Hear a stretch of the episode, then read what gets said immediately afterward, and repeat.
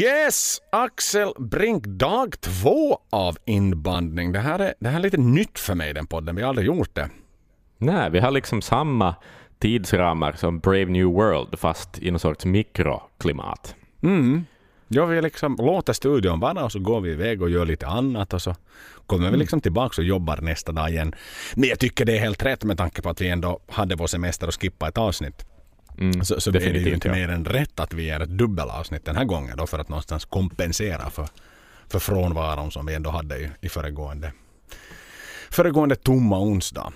Precis, och det där förstås eh, till alla nya lyssnare kanske så före ni lyssnar på det här så rekommenderar vi nog faktiskt varmt att ni går tillbaka och lyssnar på Maiden ursäkta, Metal 2000 avsnittet också för att det, man kommer att fatta saker lite mer tror jag om man har det i bagaget. Så att eh, hoppa tillbaka ett avsnitt först. Gör det ja, för vi kommer att relatera väldigt mycket till saker som vi har diskuterat om i föregående avsnitt också. Mm. För det är någonstans så jätteviktigt. Nu är det den stora transitionen där man ja, liksom ska gå in i ett nytt millennieskifte och man går tillbaka med eh, med Bruce som sångare och man har lämnat Blaze bakom sig och vi pratar sjukt mycket om hela den episoden i Mm. föregående avsnitt. Så att liksom bara för att förstå hur saker och ting kommer sig och, och hela den delen. Också med Kevin bland annat, med hans eh, med producentvalet. Och, Att få en liksom, liten presentation av alla karaktärer i, i den här berättelsen så att säga. Det, det, det får man i förra avsnittet. det får man verkligen.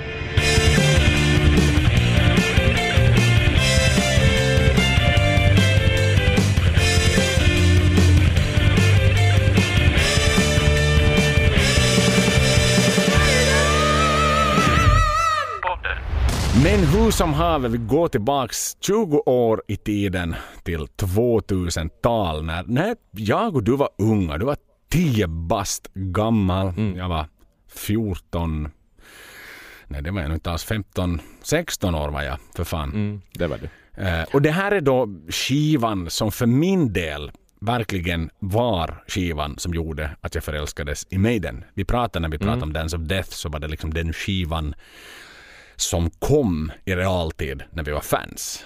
Men Ja, det var den här exakt. skivan som min, vår storebror hade fått låna av en kille som heter Lars Christian. Mm. Som bodde på samma gata mer eller mindre.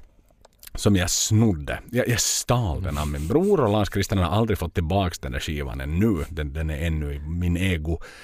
För det var det där monstret. Det var det där, det där den, den, den, den där konstiga bilden. Det där fenomenet som var så in i helvetes mind-blowing cool. Att jag liksom, det här kan jag ju inte låta vara o- olyssnat. Då var det mycket Offspring. Inax on your hombre tror jag den hette den här Just det. eh, skivan som, som de gav ut och Green Day och sånt här som jag lyssnade mycket på. Men då var det, det, var, det, det här var liksom stampet till att jag är en metalhead idag och det här stampet till att jag lyssnar på fan så mycket mer brutal musik än Maiden idag också. Och har Ja. liksom, det, det var min riktiga jävla gateway-drog till att bli en sån där människa som gamla människor hatar. Exakt. Exakt, men jag har, ju samma, jag har ju samma story för att jag fick ju den förstås via dig. Jag minns att, jag minns att du installerade den där interaktiva eh, wallpapern på familjens dator eh, med molnet som Ja, du säkert hade laddat exakt. ner från ironmaiden.com. Ja, man kunde klicka på olika ställen och så hände det saker. Den var faktiskt väldigt före sin tid, måste jag säga. Ehm, så det var väl där via ehm, som jag kom in på det här albumet och det är liksom nog hands down den Maiden-skiva jag har lyssnat på mest, ska också sägas, också till denna dag. Ungefär sådär en gång på hösten, en gång på våren så, så har jag som rutin mer eller mindre att lyssna igenom det här albumet och jag är lika Lika nöjd varje gång ska jag väl nog avslöja redan nu. Det är lite, det är Men- lite din seventh son som det var för Mm. Alex på Kisspodden. Precis, exakt. Ja, ja det, det är nog Den har det. sin plats på sina givna årstider. Mm. Och det är ju helt rätt och någonstans nu när du var lite inne och tangerade på det här med multimedialandskapet. Det var ju som, som vi var inne på liksom på den här tiden eh, när jag intervjuade Ullerstam bland annat i, i föregående avsnitt så var det ju just det här med att Maiden printa webbadressen överallt på alla grejer. Allt vad de hade var det www.ironmaiden.com. Det stod på en jävla merch-tröja som det skulle ha varit någon sån här jävla, vet du, jävla mässa i Botniahallen eller på, Ja, på ja, någon, ja, någon jävla. Älvsjömässan i Stockholm sådär och det är något företag som vet du prompt vill plocka in leads genom att man ska gå in på deras hemsida och ja titta Precis. nu det var nog lönsamt att ställa ut på den här mässan för att det kom så pass mycket mera besökare och fyllde i det här formuläret. Men, men det är så jävla nice att man har liksom en official band-tröja där det liksom under loggan ännu ska stå www.ironmaiden.com. Jag tycker det är fucking underbart. Men, Ja, men nog man börjar hitta det där.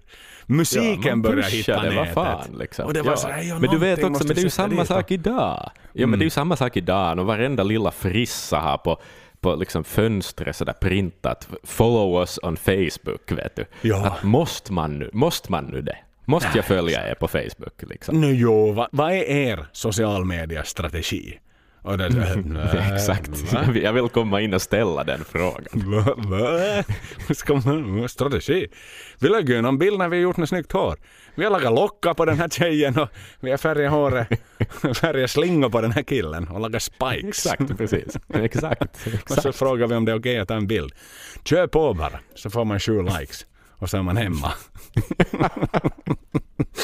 Men på den här tiden, det var, det var så nytt och det var spännande. Vi var inne på det tror jag på Final Frontier också när man gav ut den här singeln, första singeln tror jag det var digitalt också som en sån här du, möjlighet för att liksom, ett, men, men Maiden har varit jätteframgångsrika och har ändå varit liksom pionjärer inom det här digitala, inom internet. Det är Definitivt, 20 år definitivt. sedan och de var, gjorde en, jag menar bara en sån sak att du minns den här wallpapern eller den här, jag tror det var en screensaver faktiskt. Som liksom Ja, stod och sov ja. sådär. Med någonting som Ja. hände. Var det inte så här båtar som gick under Themsen där då? Jepp, och, och, och den där eh, bron öppnas, alltså eh, den här eh, Tower Bridge, ja. Jepp. Och så var det någon blixtar och någonting och jag kommer inte ihåg vad det var. Men det var, mm. Ah, det är underbart. Det, det är fint. Och det, det är så kul att Maiden embracear det här. För de har ju, det, det får jag fan med ge dem. Speciellt under, under eh, Book of Souls World Touren. Så, så deras liksom social media byrå som de anlitat, eh, den är ju jätteduktig. Alltså det här med Superbra. Alltså så bra. Det är exakt den content jag vill se av Iron Maiden då de är on the road. Det är ju bara det. Ja, det är fantastiskt. Jag minns när det här jävla flygplanet, flygplanet jumbon gick sönder i Mexiko tror jag det var. Och då blev man ju så illa tvungna för att man behövde frakta dit en ny, ny Rolls Royce motor till Boeingen och så, så fick man ju åka buss en stund innan då. Det tog ju sin stund innan man fick en ny motor och hela den liksom bytt då, servicen gjord.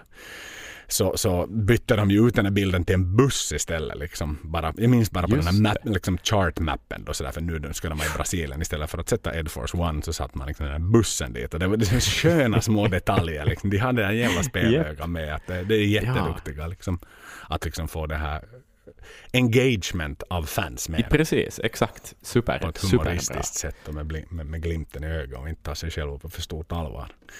Nej. Så det, det, det ger jag faktiskt Maiden sådär som ett, som ett digitalt band. Så, så för att vara gubbar som, som etablerades på 80-talet så har de verkligen embraceat ny teknik och inte liksom varit De är motståndare inte till så det. boomers liksom. Nej, nej, de är verkligen motsatsen till boomers liksom, utan de har verkligen, ja. men fuck it, nu är det den här tiden vi lever i. Eh, Precis som vi pratade om i förra avsnittet med liksom, okej, no, men vittu, nu är vi ett 80-talsband och vi ska in i 2000-talet och vi ska inte bli det här gamla bandet som bara Mm. lever på våran historia utan nu är det Metal 2000 och, och Bruce går Mm. avsiktligt ut och säger, vilket säkert är lite påtryckningar från Rod om det här med att vi ska inte bli ett nostalgiskt band. Vi är inte ett comebackband utan vi är ta med fan ett riktigt jävla band för 2000-talet. Det är ju liksom regisserat nu i bakgrunden vad han ska säga, hans kommentarer. Ja, ja, ja, ja, ja. Definitivt. Så att, men, men någonstans det är ju så, så väl regisserat och det är, det, det, de har haft en sån liksom plan i allt vad de har gjort och det, det är därför de är anti-boomer och, och snarare liksom, de är mera en av mig och dig Axel. Ja, exakt. Precis. Jag ser ingen åldersskillnad mellan mig och Nico McBrain. Nej, jag skulle säga att, att, att Steve är mera av en millennial än en boomer. ja, ja jag, jag håller med. Jag ser liksom skalan så är han nog definitivt till vänster där. Han är det. Nåväl, hörru, skivan då, som vi pratade om, som, som ju då spelades in i Guillaume Studios med, med Kevin Caveman Shirley, så gavs ut den 29 maj 2000. Sony Records då som också var ett, ett nytt bolag för Maiden eh, så fick äran att ge ut skivan. Eh, två singlar gavs ut givetvis som alltid. Det var pre-singeln Wicker Man då som kom den 8 maj några veckor innan eh, utgivningen. 21 dagar för att vara specifik. Tre veckor för att vara exakt. Och Silent Planet som kom den 23 oktober som en eftersläntrare. Ska vi gå in på den här lilla spännande delen då? Hur saker och ting mm. så att säga landade. Nu är det Definitivt. Metal 2000. Nu, nu, nu är det någonstans, nu börjar man ha ett mätinstrument för att se om Metal 2000 faktiskt var någonting annat än bara ett marketing gimmick. Eller Precis. om det faktiskt liksom gav pengar på bordet och visade sig att det, det gav lite, lite kraft ute på marknaden. Mm. Tittar vi på Wickerman-singeln, den landar faktiskt inte etta någonstans. Mm. Det får vi ändå någonstans väldigt, väldigt liksom tyvärr varsamt leva med. Uh, där den liksom performar absolut bäst var i Italien och Kanada. Där var den på en fjärde okay. plats. Mm. No, Italien och det är metallländer det också. De har nog alltid gillat Maiden. De har gjort det. Och tittar vi liksom i våra närmaste länder då har vi Sverige på nästa position och det är på en femte plats. Så mm. Wickerman placerar sig. Tittar vi ytterligare neråt i i, I de nordiska länderna så bjöd Norge in den på nionde plats. Så gjorde också hemlandet faktiskt. Så England landade den på nionde plats. Mm. Tittar vi i sin tur på no, det enda relevanta metalllandet i världen kanske. Mm. Finland då, det vill säga. För det var ju ändå som så här. Kanske vi var inne på det. Men när Obama besökte Stockholm så var ju alla mm. statsöverhuvuden från Norden inbjudna där då. Bland annat yep. Sauli Niinistö från Finland eh, representerade Finland då. Och då skulle han ju hitta sina komplimanger. Och det mm. enda han hittade på Finland var ju metallen. Mm. och, och, och, men om nu till och med president Obama liksom är sådär, ja entreprenörskap i, i Finland, äh, norrmännen är jättebra att rensa lax, danskarna är jättebra att dricka öl i bensinstationer, så, så är det ju liksom någonstans jätteviktigt det här med metallen i Finland. Och, ja. och elfte plats bjöd Finland Wickerman på. Okay. Det är Helt, nog... Det du kan inte säga att det är okej okay, inte. Va? Nej, men det är ändå, ändå topp 15 i alla nordiska länder. Liksom. Jag väljer att se det så. Mm. Det, det, får vi väl leva med. Ja. Men det är ju, no, ja. ska vi säga det minst relevanta. Nu kommer vi någonstans till, till kärnan. Skivan yes. då. Tror du att den hade en etta någonstans? Nej. Nej, jag tror inte. Kanske, kanske en tredje eller stretching it andra placering någonstans. Var? Andra placeringen. Um, I så fall. Vilket no, land, vilket Italien, land välkomnar Ita mest? Italien eller Kanada då, mm. för att återgå till singlarna. Mm. No, det finns en nummer ett. Bara en Aha. endaste nummer ett i världen. Okay. Du gamla, du fria, I du... Sverige ser man på. Oh yes. Ja så. En etta. En nummer motherfucking uno i Sverige. Hmm. Med andra ord så var den inte etta i Finland. Nej. Nej, Finland var riktigt skit. Finland var så skit så att det bara var på en tvåa. Och det, det, det, okay. det, är skandalöst. Det här är 2000. Finland har vitt etablerat sig som ett metalland vid, här, vid den här tiden. Jo, jo, nu är ju Nej, den har funnits superlänge. Liksom. Det, det här är skamligt. Finland köper Maiden bara så att den landar på en andra plats. Jussi! Kekkonen! Jaakko! Vittu, de går inte att köpa Maiden. Men vad går de att köpa då? Jag blev så satans arg så jag måste gå och titta på vad i helvete var det de köpte mera än Brave New World. Nå, vad fan tror du? Nu var det ju en amerikan. Och inte vem Jaha. som helst. Han heter Bon Jovi och han släppte en skiva som heter Crush. Nej, nej, nej, den med... Uh, Citizen Zoo. Nej, inte vet jag om det var den. Vi ska se här. It's my And life. Now on... Ja, Ja, och Citizen låtarna. Zoo är med där på den. Next 100 years. Det Usch, köpte sånt finnarna, vittu.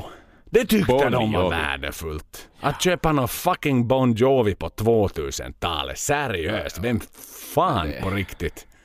Det var ju när Bonnen okej. hade tappat credden också. Jag menar, det var ju Jo, inte jo, precis när han exakt. delade stage med Anvil. Nej, Utan... nej, han... Nej, han... eh, Åh, ja, ja. Han sålde ju sin själ med den skivan.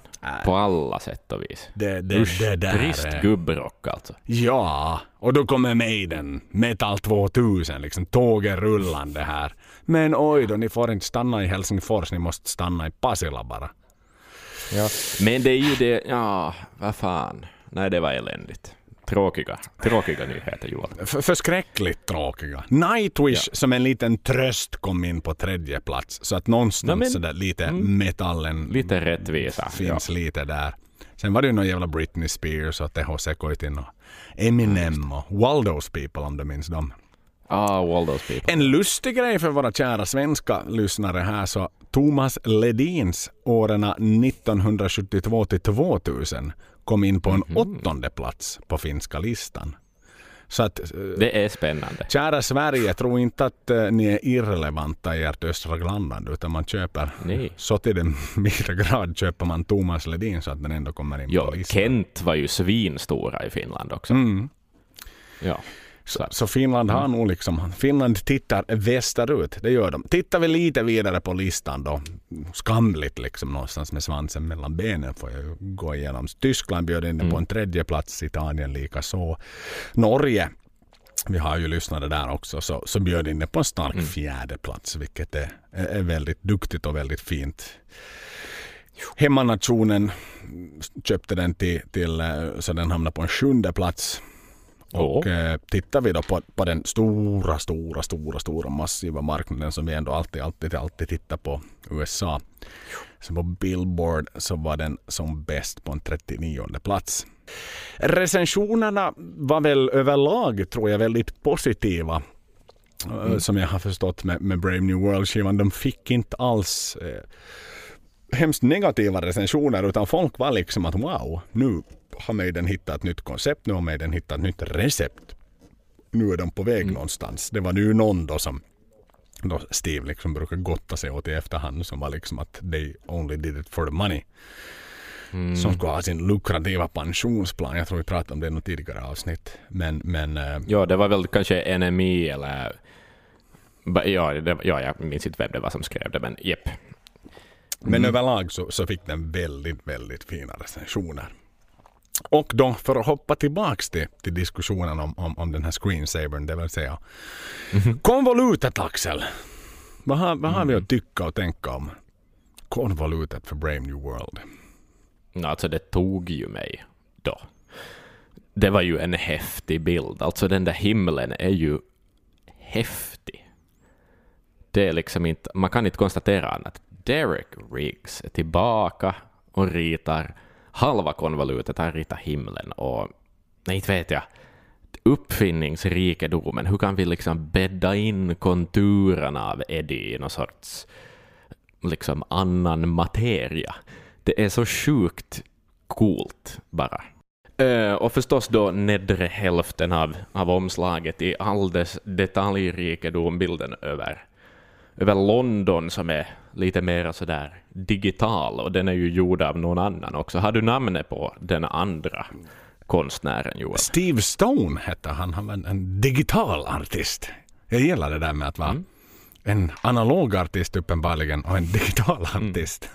Känner du många analoga artister? Eller känner du fler digitala känner- eller analoga artister? Jag ska nog påstå att det är... Mm, no, det beror på vad man räknar till en digital artist. Är det någon som är bra på Photoshop liksom, eller är det...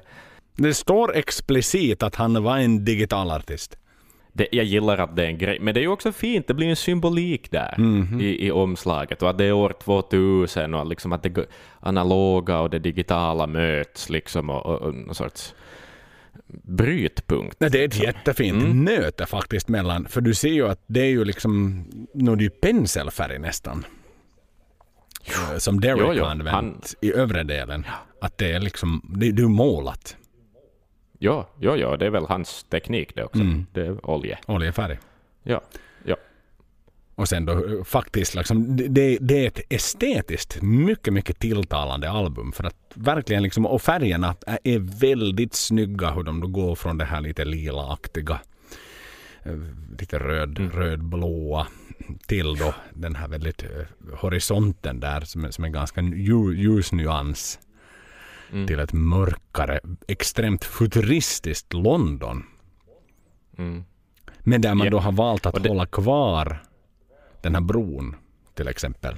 Ja, exakt. Där är ju London lite som i boken då av Aldous Huxley, eh, har jag förstått. Att det liksom ska... Det är en hänvisning till det. Mhm.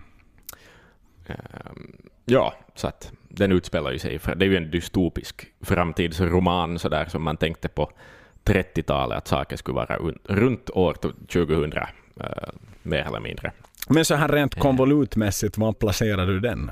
Den här?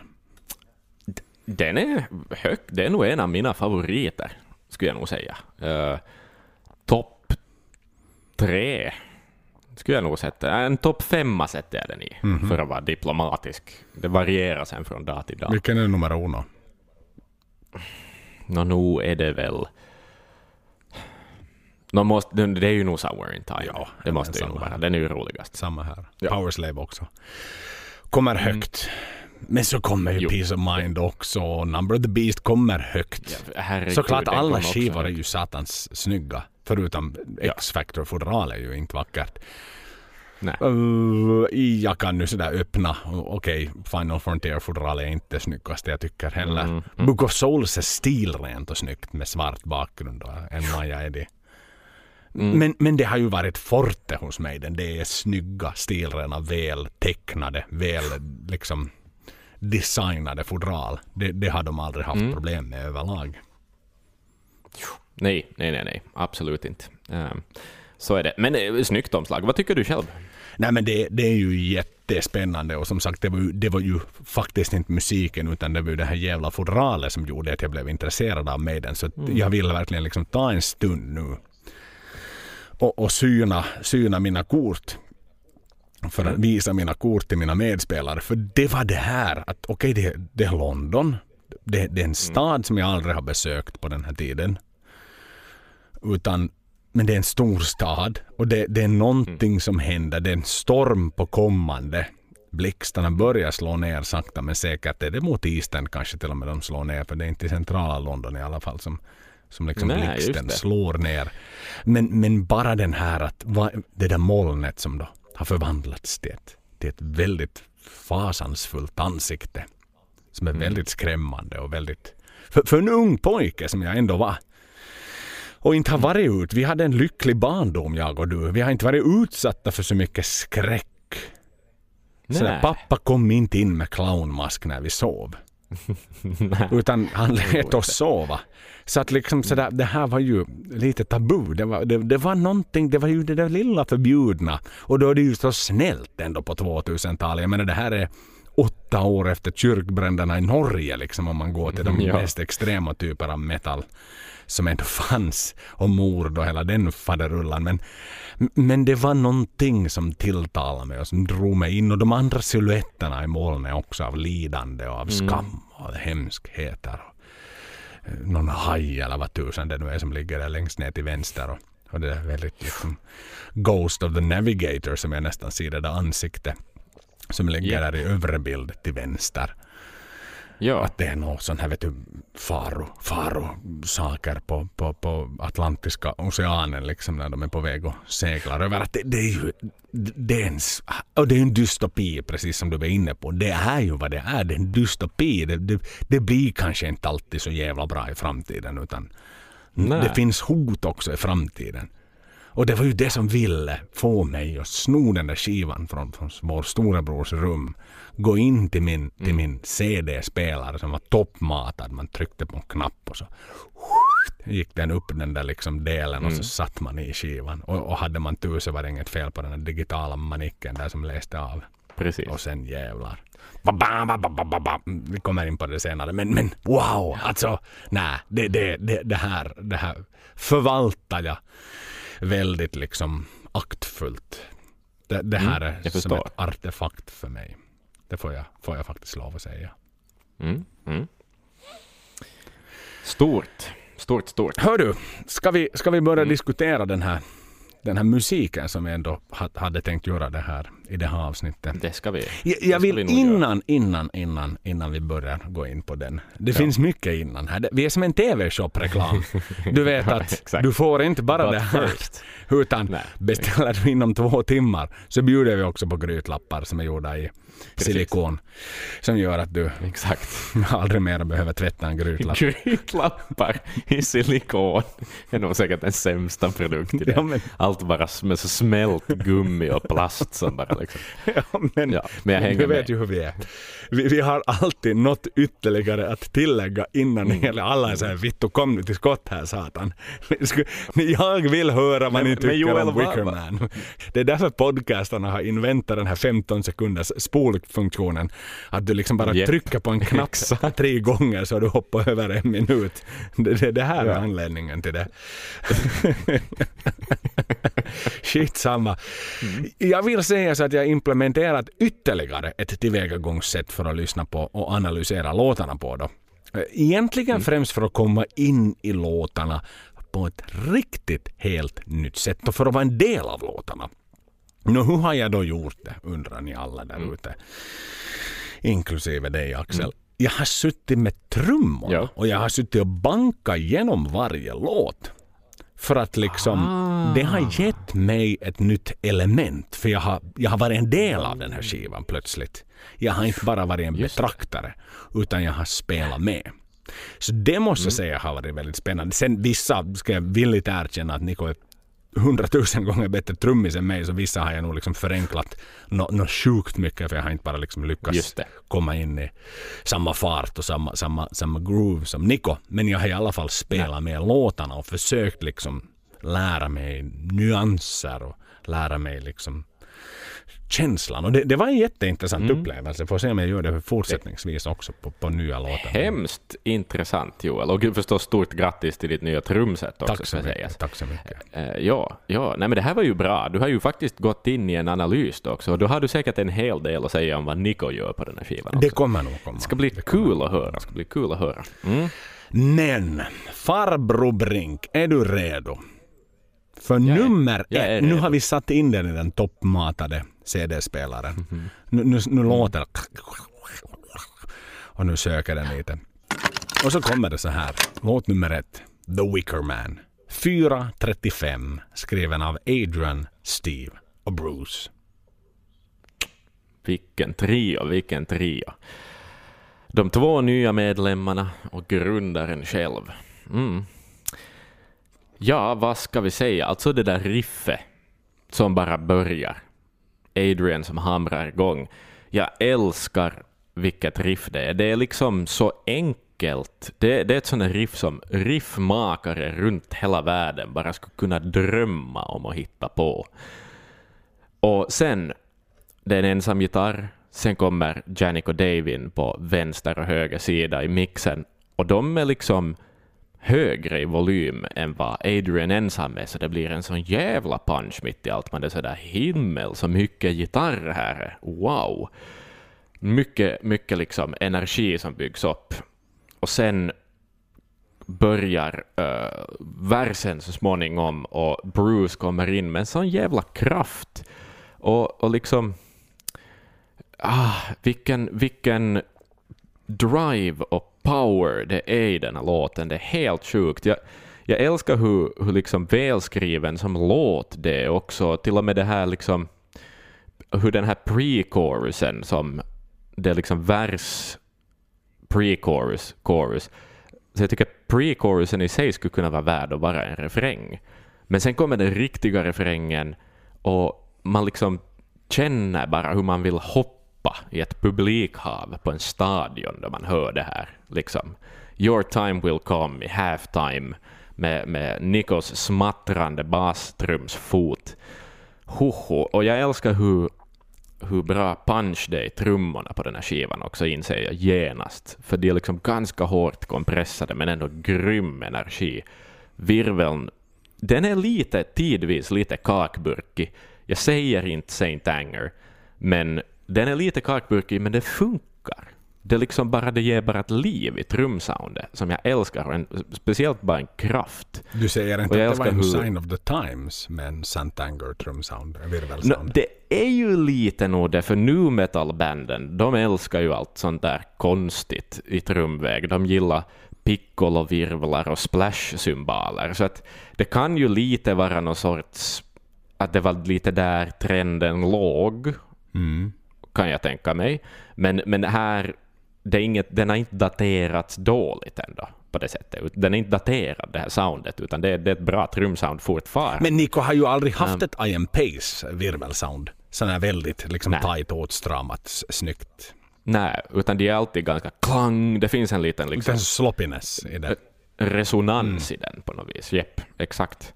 Men Ja, sen älskar jag hur Steve ibland liksom spelar power chords på basen för att göra det liksom ännu maffigare. Vi har tre gitarrer som gör power chords och sen har vi Steve i botten som också gör det. Och kanske Adrians bästa gitarrsolo. Genom karriären spelar han i den här låten.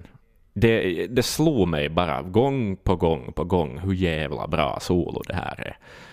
Åtminstone är det min, mitt favoritsolo av Adrian Smith. Mm. Det kan jag nog. Det outar jag nu. Wow. Mm. Och sen vad fan, en added liksom allsångsdel på slutet som ett outro. Genialiskt. Alla fattar att vi är redo, redo för att gå på arenan i sommar och se på Maiden. Liksom. Och så får man böla med i det här. Helt genialiskt. Mm. Mm. Nej, jag, jag, kan ju också bara säga att det är en dunderklubba. Jag har jag döpt den här låten till. En, en, en sån satans käftsmäll. Mm. Och, och, det är så kul att, att igen med, med vetskapen om vad vi pratade om i förra avsnittet, det är Adrian som får öppna spjällarna på en helt, mm. helt, helt ny skiva. Det är 12 år sedan sist Adrian har fått vara med mm. och göra musik för Maiden. Och som du var inne på, den här pre-chorus med den här dubbelrefrängen. Och båda är ju liksom så ofantligt allsångsvänliga och precis som du, du var inne på det här med Your time will come. Det, man bara står och studsar. Och, och jag vill minnas liksom från, från min extremt välanvända Rock in Rio-DVD när Steve själv då står där och liksom studsar och uppmanar publiken till att mm. nu ska ni hoppa. Det är ett mm. nytt element i Maiden. Maiden har aldrig uppmanat folk att hoppa som om de skulle gå på en Rage Against the Machine-konsert. Men nu är det precis, det han precis. gör. Han vill ha gänget att studsa och vara en del av Maiden. Det bygger på en film med samma titel. Men, men som jag förstått det hela så verserna och, och textstrukturen så följer inte själva handlingen i filmen utan eh, den här handlingen i den här låten vill fokusera mer på, på någon typ av modern värld. Där mm. egoismen är i fokus. Egoismens tidsepok. Jaget är vad det handlar mm. om. Och det är ju helt rätt. Och äh, går vi in på vad The Wicker Man egentligen i sin tur är så är det ju en, en, det är en träskulptur som är till för att brännas. Vanligen så satt man in någon typ av levande varsel i den, vanligtvis djur från, från äh, liksom farmdjur men också till och med människor. Mm. Och, och sen skulle man använda askan för att få en bättre jord, för att få mera fruktbarhet i jorden. Att det är det som är liksom hela, hela ursprunget bakom den här Wickerman-dockan. Men, men mm. av Maidens öppningslåtar så, så jag vill riktigt, jag, jag vill sätta den här i samlingen Eagles Dare och Aces High. Ja, ja, ja, ja, alla dagar. Alla dagar. Den, den är absolut inte lika svängig och rockig som de efterföljande liksom 2000-låtarna. du vet, då är det mera rock'n'roll. Men här, det här Ja, är exakt. sån satans power. Och det här är så, Ja. så, så den här refrängen. Your time will come. Mm. du-du-du-du-du. Och, och just med ta-ta-ta-ta. Som, det är så, mm, jag skulle behöva en dubbelpedal för att spela det där ta-ta-ta-ta-ta. Japp. Ta-ta-ta-ta-ta. Ja, alltså det är ju samma tempo som i, vad det nu heter den på Dance of Death, där han spelar med dubbla pedaler. Ja, exakt. Face det är in samma the sand. tempo. Jag, jag, jäm, jag jämförde BPM på dem och de är alltså roughly samma, Mm. samma tempo. Så att, ja. Och, och det där in, alltså precis som det- igen vad du var inne på med det explosiva intro. Ba, ba, mm. ba, ba. Ja, de där slagen.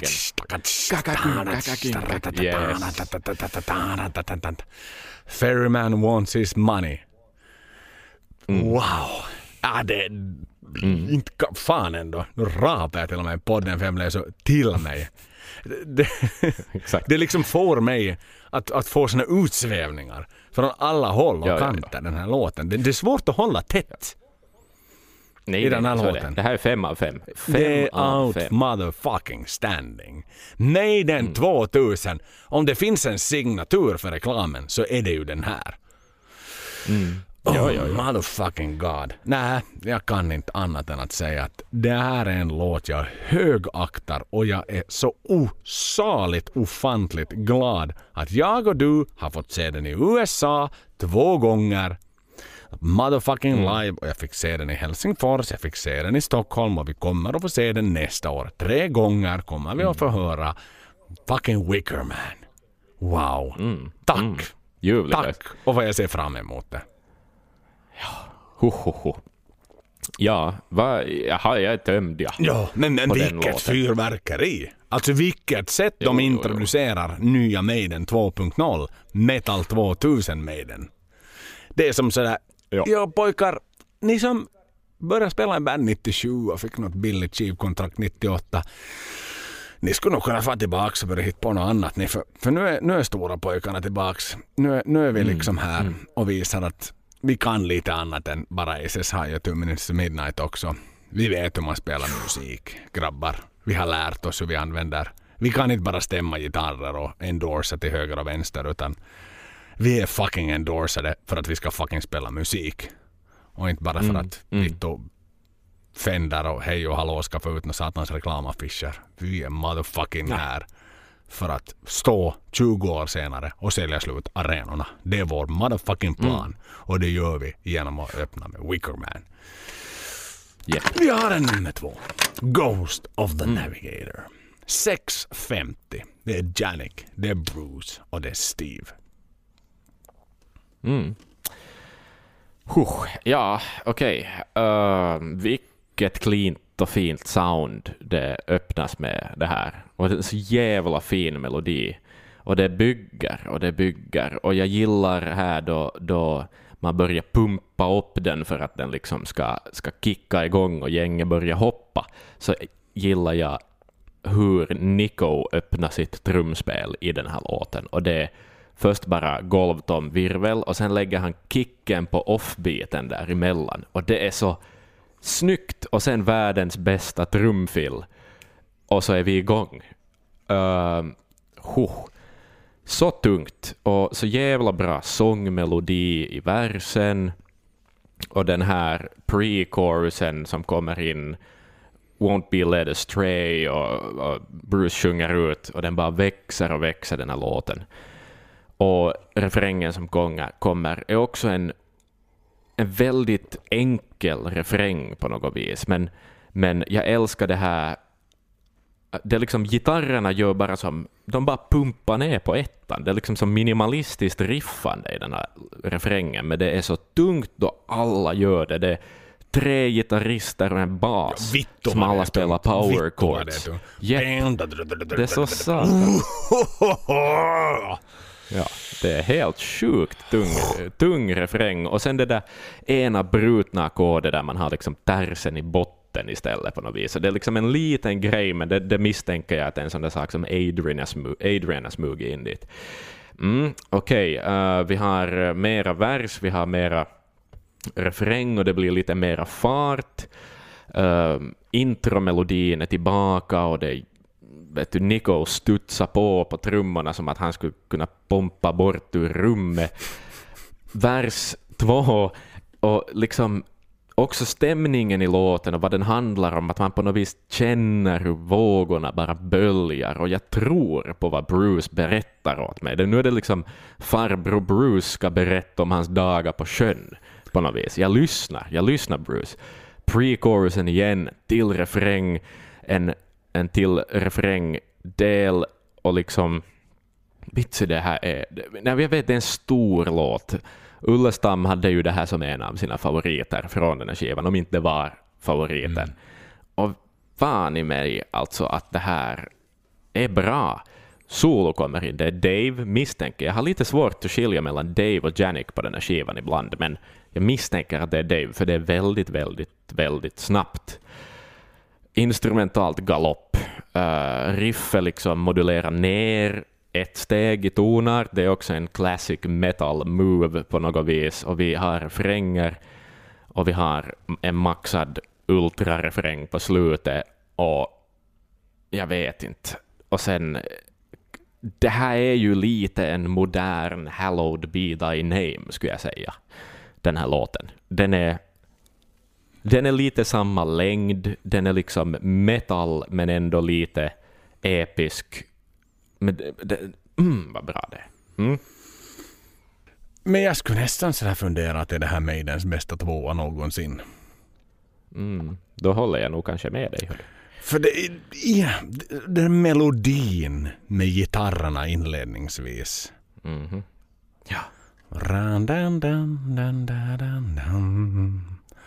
Mm, och, och, och, och den här uppbyggnaden, den, den, den är kraftig. Och jag kan ju inte liksom låta bli att, att, vet du, att den gifter sig med, med min upplevelse med Rock Rio-DVDn. Då, mm. när den liksom byggs, den byggs så sakligt upp. Den, ja. den, är, den, är, så ofantligt den här smakfulla, den här explosiv, explosiviteten som kommer in när den går in i då i ja, ja, ja, ja. Mm, mm. Bam, bam, bam, bam, bam, bam, bam, bam, bam, bam, bam, bam, bam, bam, bam, bam, bam, en offbeaten. Det låter som dubbelpedal. Ja, det gör ju det. Oh, vad den... Just det där fillet.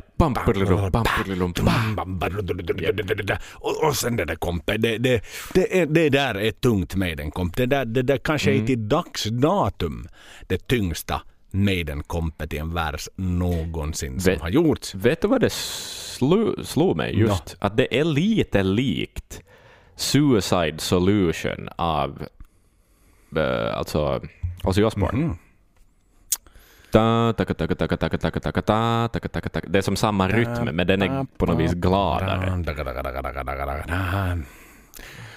Yep. Och, och, och det här ylet liksom i, i Bruce när han sjunger den här pre-chorusen. La, la. Och, och sen det där Where I go I do not know I only know the place I've been Raranda. Det, det är jättevälskriven mm. text i den här låten, rakt igenom. Ja. Och, och, det är liksom, det, det, är... Och sen när, när den går upp tempo, alltså när episoden kommer och det det är, en sån här, det är en sån här grej som fick mig som ung och nyförälskad i Maiden.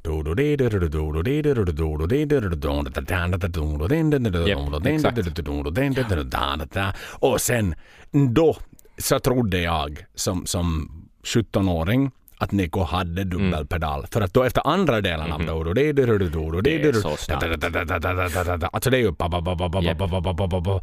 För säg att han skulle sätta en vänsterfot ytterligare och göra samma, då är det ju fan mm. blastbeat fart på Nikos liksom fötter. Jo, jo, jo, jo. Det han spelar nu är ju ett power metal Ja, alltså, fast med, med en fot. fot. Det som alla andra tyska ja. trummisar behöver två pedaler till. Men Niko behöver en pedal för att spela det där. För annars är det liksom, oh, herre min tid. Och, och det är ju lite sådär... Det är nog kungarna alltså. Och, och, det är ju det här, för såhär, vad jag hade hört bitvis innan det här var ju Fear of the Dark. Och det är ju där, mm. där gifter det ju sig med det där klassiska Fear of the Dark kompet, Ja. liksom när den går upp till snabbt Ja. tempo. Så att det, det är där jag liksom, åh, det här är ju Maiden. Det är snabbt och det är Mm. tungt och det är hårt och det är melodiskt. Oj, oj, oj, oj, oj. Och det här slutet i låten. Wow.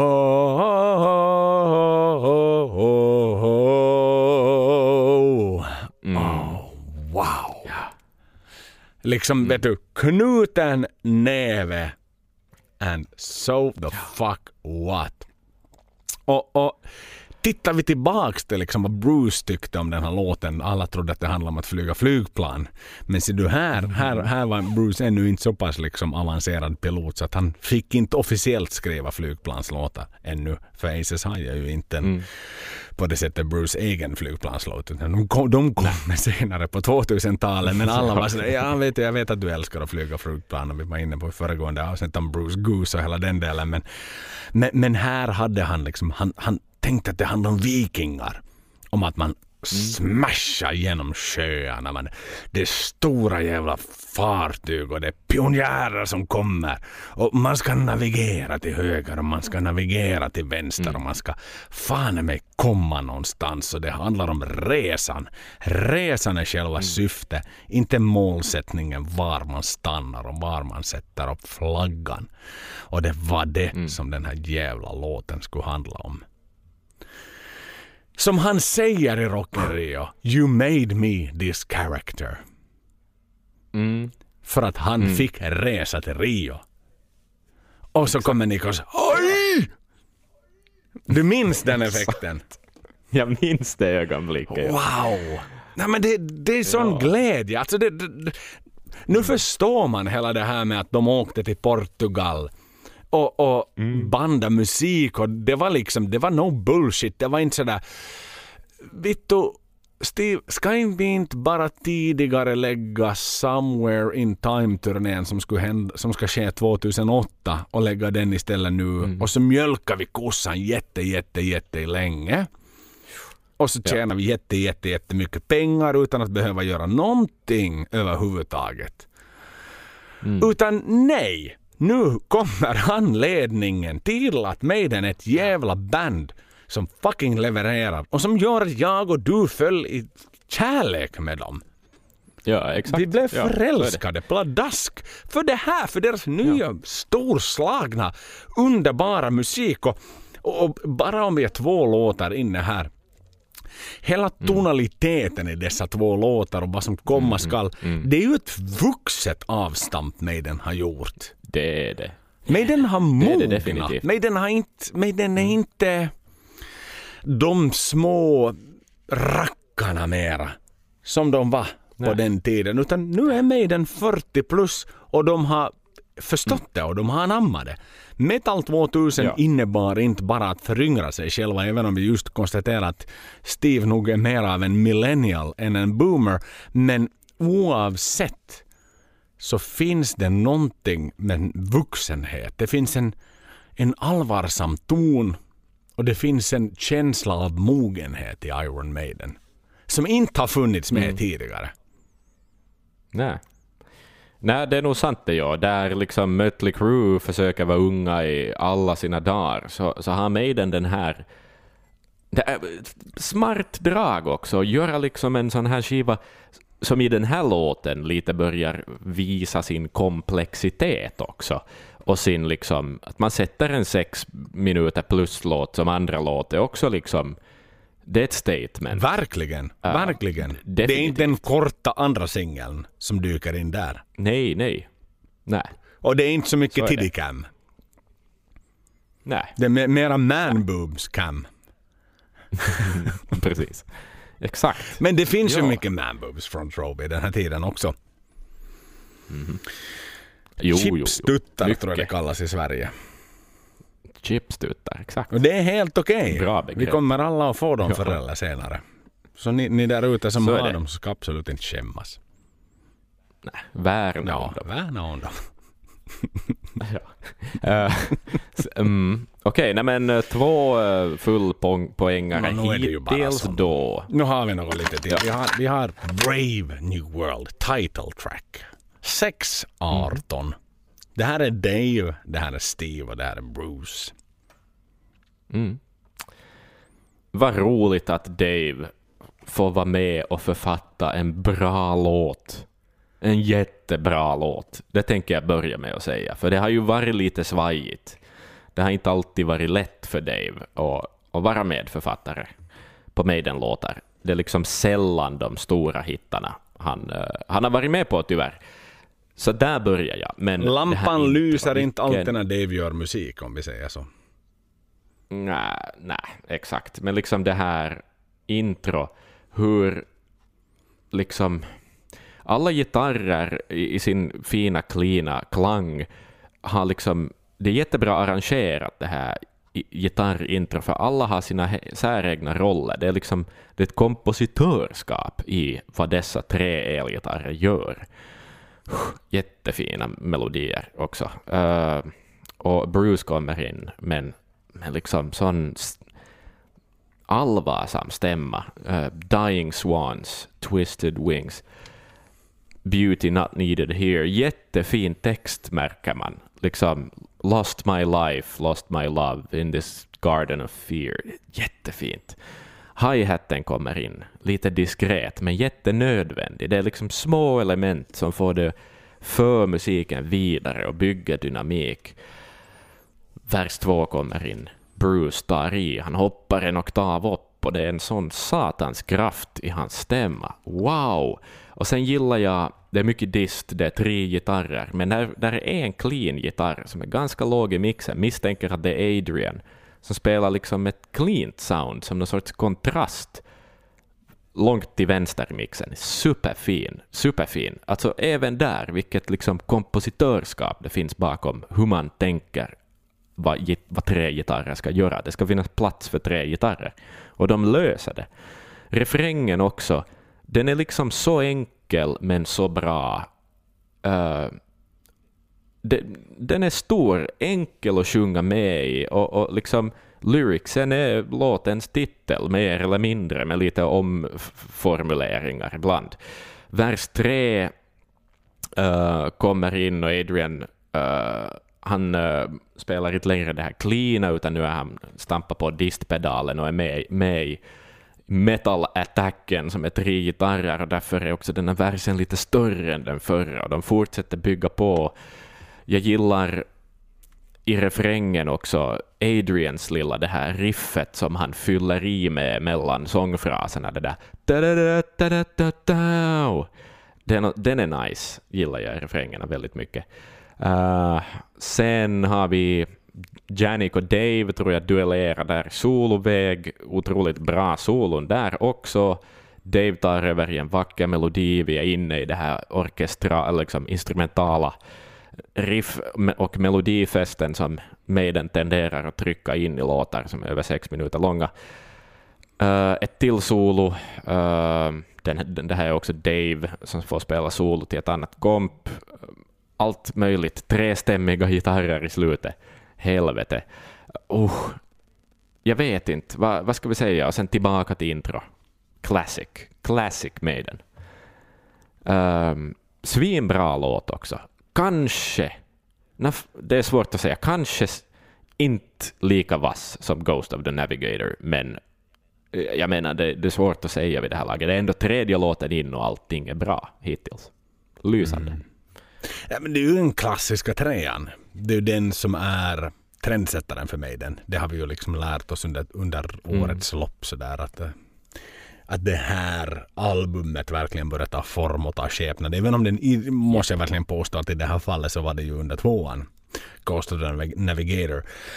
Men, men jo, just det här akustiska melodin och den är väldigt klar med viss mystik och någonting ju då som, som kommer att bli väldigt kännspaka för 2000-talet. Vuxet Maiden som jag var inne på tidigare.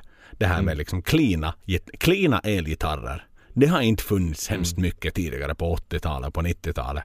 Utan det är det, det, är det vuxna, det är det mogna steget som Maiden har vågat ta. Gain away, kör bara clean gitarr.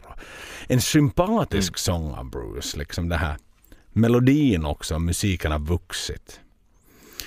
Och, och, och då när versen går in i komp så är det liksom, det, det här är ju den stora skillnaden. Det är den nya ingrediensen i och med att man då har möjlighet att använda tre gitarrister. Så kan två stycken gitarrer kompa och den tredje gitarristen kan spela sångmelodin, eh, ackompanjera Bruce i, i sångmelodin. Och just på det sättet liksom mm. hjälpa, om man säger så, eller liksom kanske mera förtydliga Bruce sätt att då liksom i del två av versen sjunga den här melodin verkligen och liksom eh, point, put it down, the melody of the song. Och det är ju här den enorma stora skillnaden, den definitionen på Bruce Dickinson kommer in för att Blaze kan inte gå upp en oktav. Det kan Bruce göra. Han, han, liksom, han har det, det fångat i sin röst. Han sticker upp i versen en oktav och hade möjligheten. De hade inte möjligheten på de två tidigare av albumen att göra det. Men han gör ju det så bekvämt, han gör ju det så enkelt för sig i och med att han är en så oerhört kompetent sångare som han är. Så att eh, mm. i sig har jag alltid tyckt så här personligen mm. Alltså det, det, här är ju en, en skiva full av stordåd, episka äventyr. Liksom mm. den, den, här är en, en, en väldigt liksom en skiva där man tar utrymme för att uttrycka sig. Yep. Men jag kan säga så här, jag tycker om låten mycket, men jag skulle säga att det här, eller jag har alltid tyckt tidigare, jag har lyssnat på den här i 20 år, att det är en, en, en light-variant av följande låt vi kommer att prata Vi har jämfört den. Den mm. båda börjar på B. Båda har mm. lite mm. liknande element. Men, men den är bra. Men det kommer att bli mycket bättre. Mm. Mm. Ja, definitivt. Alltså det här är ju som ja, ribban är hög. Sanslöst och, och det här är kanske, och det här är kanske rib, nej det här är inte ribban. Ja, det här är inte ribban ännu. Vi har inte kommit till ribban ännu, men den här är nog vet du, en bit upp över ribban. Mm. Ändå. Men, mm, men jag, jag, är benägen att hålla med dig, uh, nog. Men liksom, jag försöker glömma resten just nu och bara tänka på vad har jag hört hittills att den, den, den håller samma höga nivå. Men det här är lite som och, i... Vad ska vi säga, den cementerar samma höga nivå. Men det, det här är lite som i föregående avsnitt, om, om vi tänker när vi diskuterar första skivan med Maiden. Och, och du, var, du, du snöade mm. in på det här med att eh, tänk om man hade använt mera dist mera mm, punch mm. I, i, i rifferna till Precis. exempel i, i Sanctuary som vi då tyckte var mm. ganska lekfullt. Som inte var liksom som metal. Och i det här fallet så, så, kan jag inte annat än att liksom sådär, vet du, jämföra den här med den andra låten som börjar på B. Just det. Det är någonting jag har liksom haft med mig ända sedan starten. Och, och jag kan inte släppa mm. det nu ja, ja, ja. heller, även om jag liksom naturligtvis lyssnar isolerat på låtarna. Men, men jag tycker, alltså, where I... Är det, det, det är en jättekraftig chorus. Ah, brave new world. Ah, brave new world. brave new world. Det är ju en catchy igen. Och det är liksom en, en, en public friendly. Och, och, melodierna är fantastiska. Och det är ju här igen som de tre gitarristerna verkligen liksom gör det, det, finns en anledning till att Steve ville ha tre gitarrister och att det aldrig blev något krottas mellan dem utan alla fick sina utrymmen att göra sitt jobb på. Mm. Att Maiden är ett three guitar band. Ja, helt klart. Så. Inte det hemskt dåligt. Mm. Inte mm. det hemskt dåligt.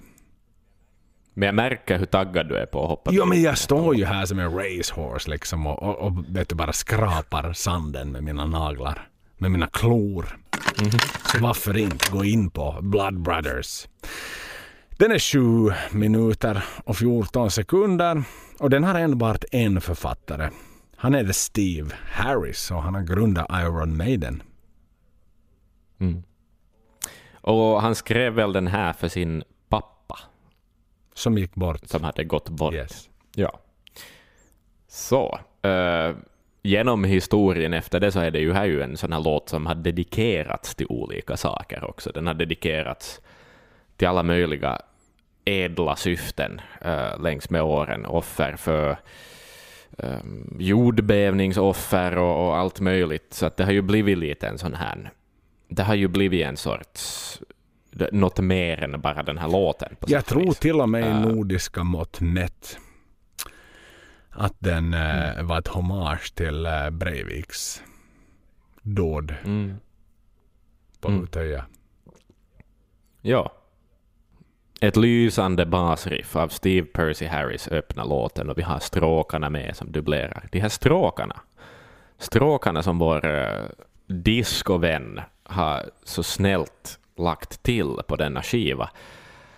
Mm. Uh, fin melodi i stråkar och gitarr kommer in. Så bra melodier, så klara. Maiden är så bra på att skriva de enklaste av melodier, men att ändå göra dem intressanta, och det är så spännande. Vers ett börjar Bruce kommer in och liksom kontrar de här melodierna vi har hört med en annan som, som liksom trippar däremellan på något vis. Jättefin och det, det växer med med hur liksom gitarrerna och tru kontra trummor blir liksom rytmiska. Det är som att de liksom, rytmen hoppar runt i mixen på ett skönt sätt.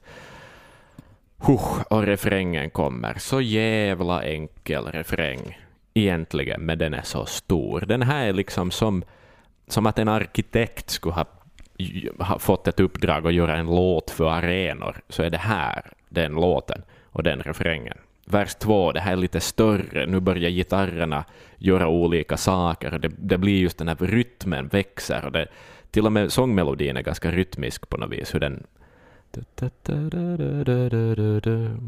Ja, det är superfint. En kortare vers för att man vill genast vidare till, till en till refräng, en massiv refräng.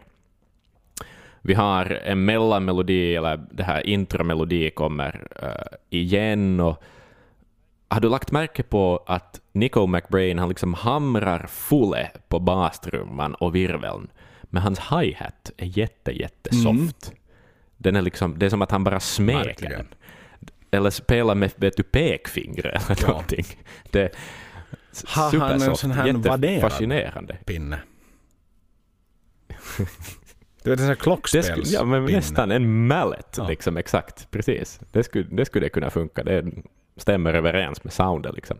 Um, sen kommer en, en sorts vers tre, lite annan melodi och den växer just med mera text, det, det är mer intensivt och en lite ny melodi. Det är som en speciell variant på versen på något vis som kommer in där. Mera refräng, med mer dist eh, händer, stråkarna kommer in, väldigt bra solo av Dave misstänker jag i alla fall liksom i soundet av gitarren.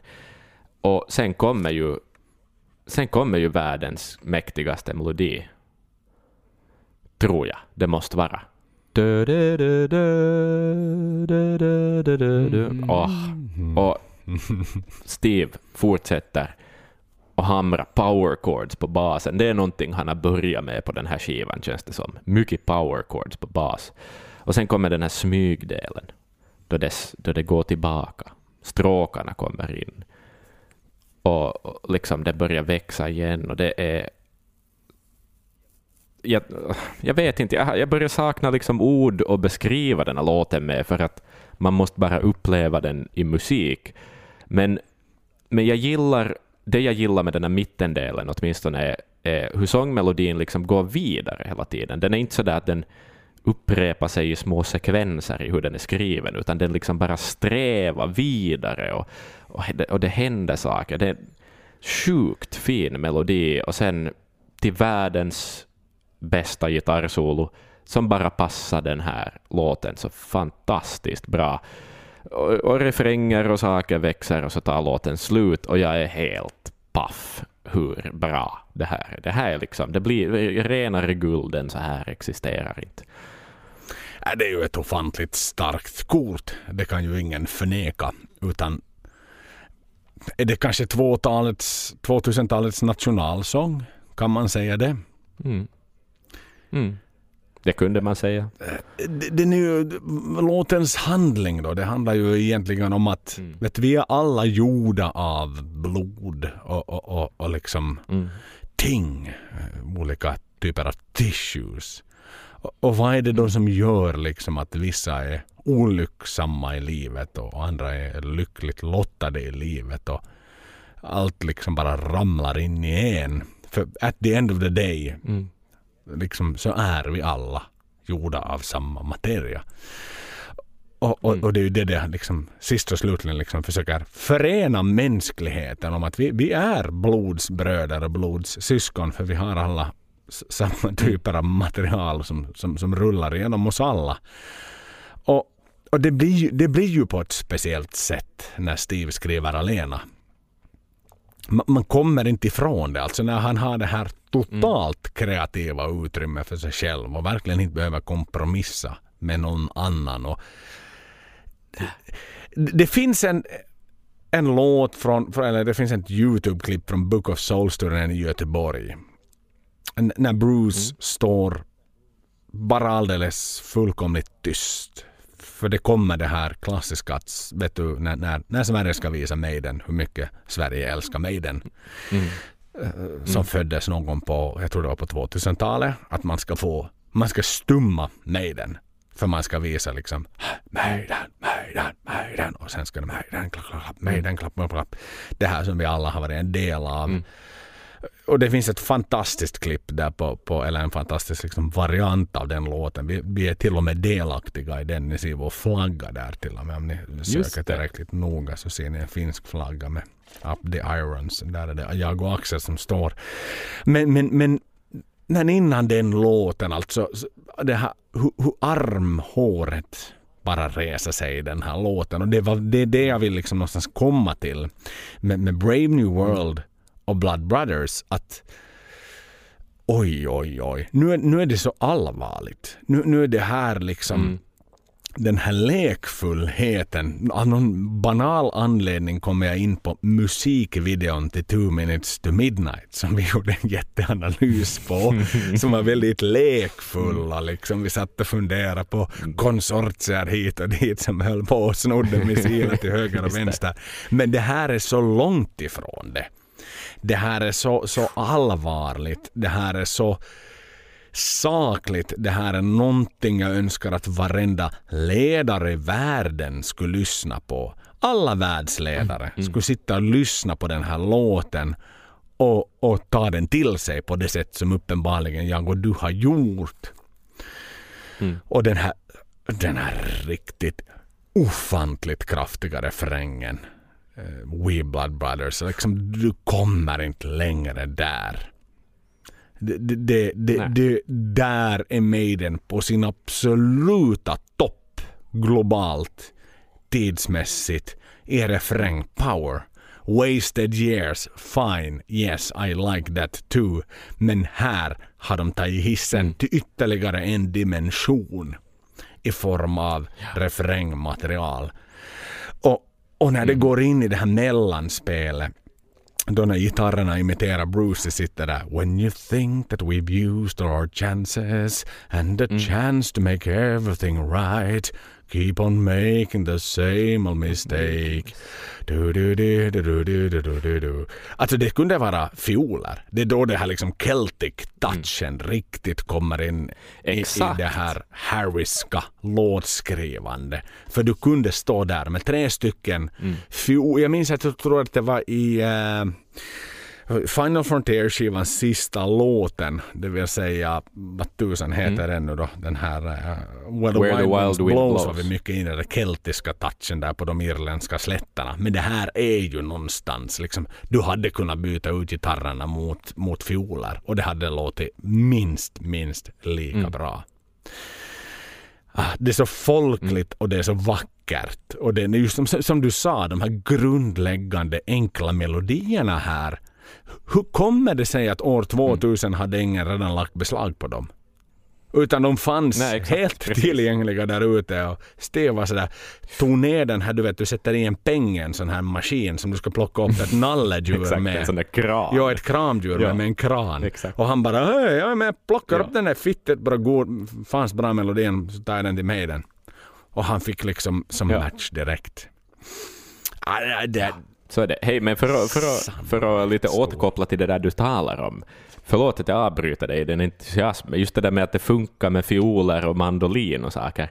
Det har jag själv erfarenhet av. Inte den här låten, men jag har spelat med ett irländskt folkband, så har vi spelat Aces High av Maiden, och det, den var så jävla bra, och liksom, med, med mandolinmelodi. Aha.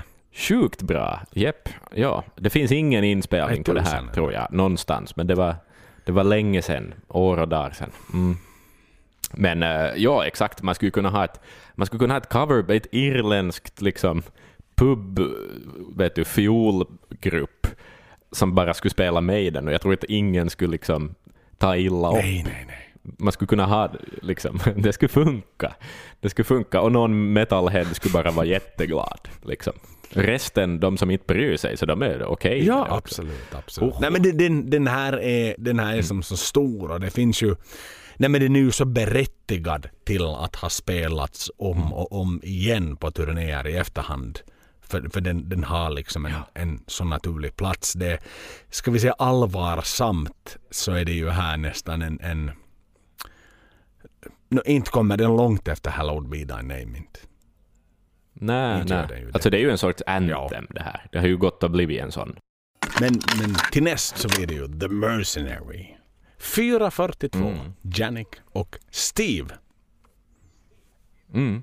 Givetvis ska man balansera ut den där balladbomben som vi just hörde med något som är snabbt och hårt. Eh, och här har vi ju det, om man vill ha det. Ehm, det där eh, Bruce raspar på, han är tillbaka i sin raspiga röst i den här låten. Liksom. Melodin mindre viktig, men attityden är viktigare. Och, och vi har en ganska kraftfull men eh, ja, enkel refräng. Och här redan så ska jag nog lite blotta vad jag tycker om den här låten. Att den är lite, också versen är lite hackig, texten och rytmen, och den blir lite svår att sjunga. Det låter som att det är en utmaning för Bruce att hänga med i texten. Vi har varit inne på det där Ehm, tidigare. Re- ja, vi har varit inne på Men det är inte. Bruce som Då- skriver texter utan det är Steve som skriver texter. Nej. Så det är mycket ord på korta tider. så är det. Så är det. Um, refrängen är ju också, jag tycker den är lite trist. Alltså visst är den fet och visst är den liksom metal, men den är lite generisk på något sätt. Och här någonstans börjar jag tänka, okej, nej men det här är den där låten som är som lite fyller i på skivan. Det är, det är en liten filler. Och, men visst låter det ju bra då tre gitarrer spelar liksom simultana power accords med, med power accords i basen också. Vi har konstaterat det tidigare och här får man det.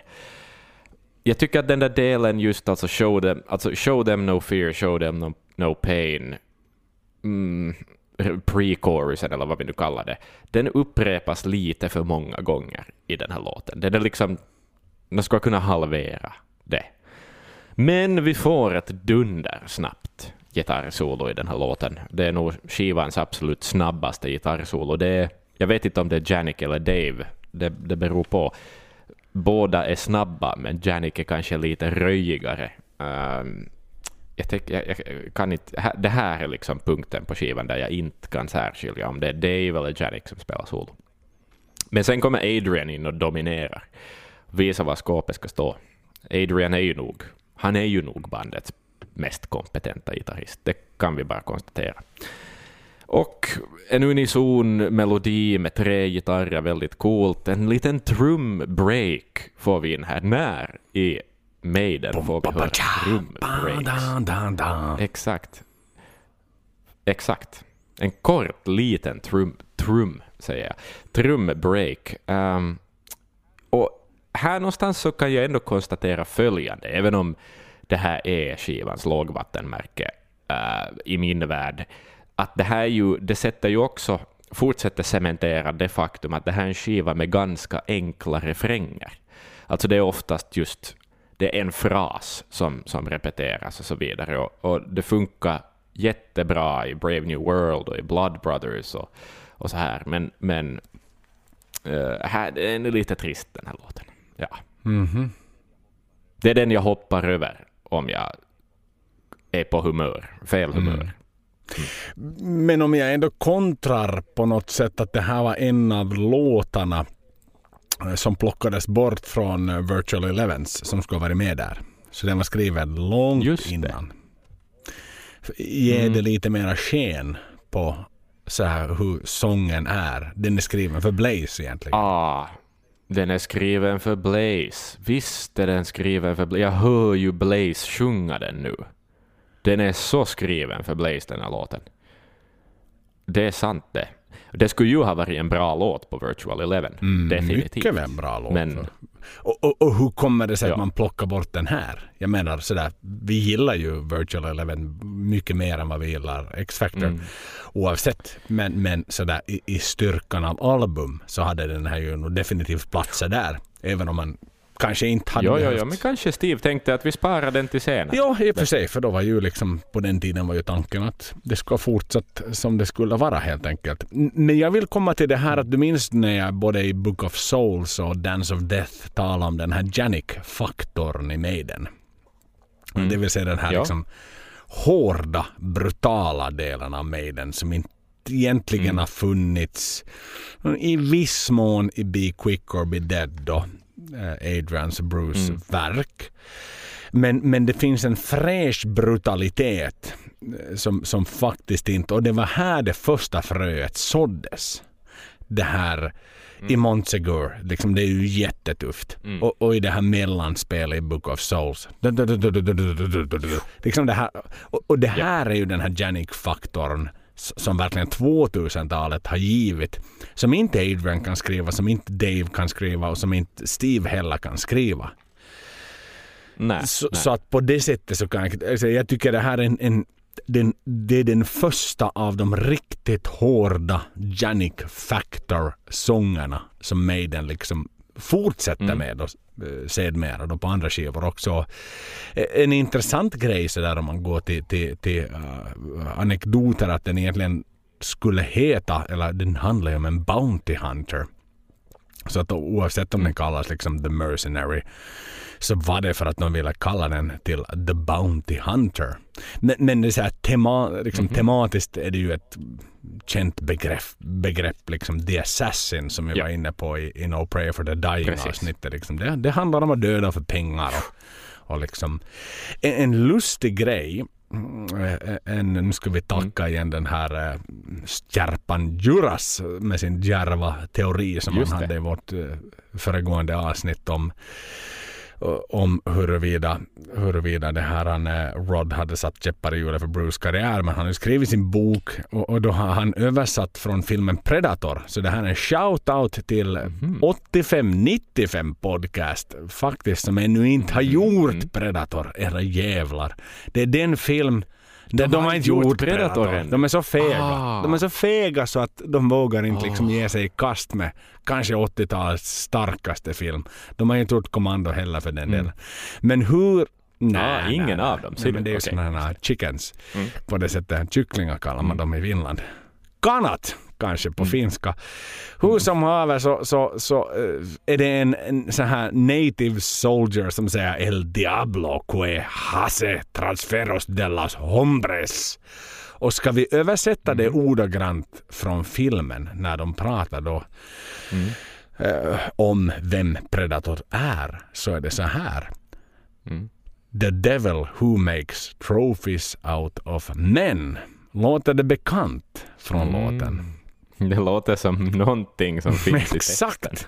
Och, och, och Steve har ju aldrig erkänt att det är ett rent och skärt plagiat. Men att eh, det finns någonting som igen connectar oss med 85-95 och det finns någonting som gör att jag skulle säga att 85-95 podcast nu helt enkelt behöver ge sig i kast med filmen Predator. För den är ju Ja. gudomligt bra. Fantastiskt fin. Och faktum är att det där gjorde den här låten lite bättre för mig. den steg lite i rang för att det är, en, Mm. Ja, det, det är ett hommage.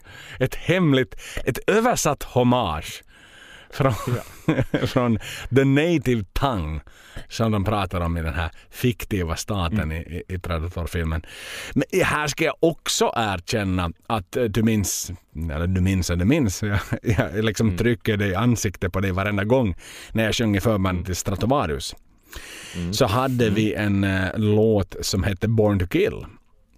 Och jag har Ja. snott ganska mycket. Jag har plagierat text från den här låten till vår låt Born to kill. Jag, jag upplevde att de hade mer att komma med än vad jag hade.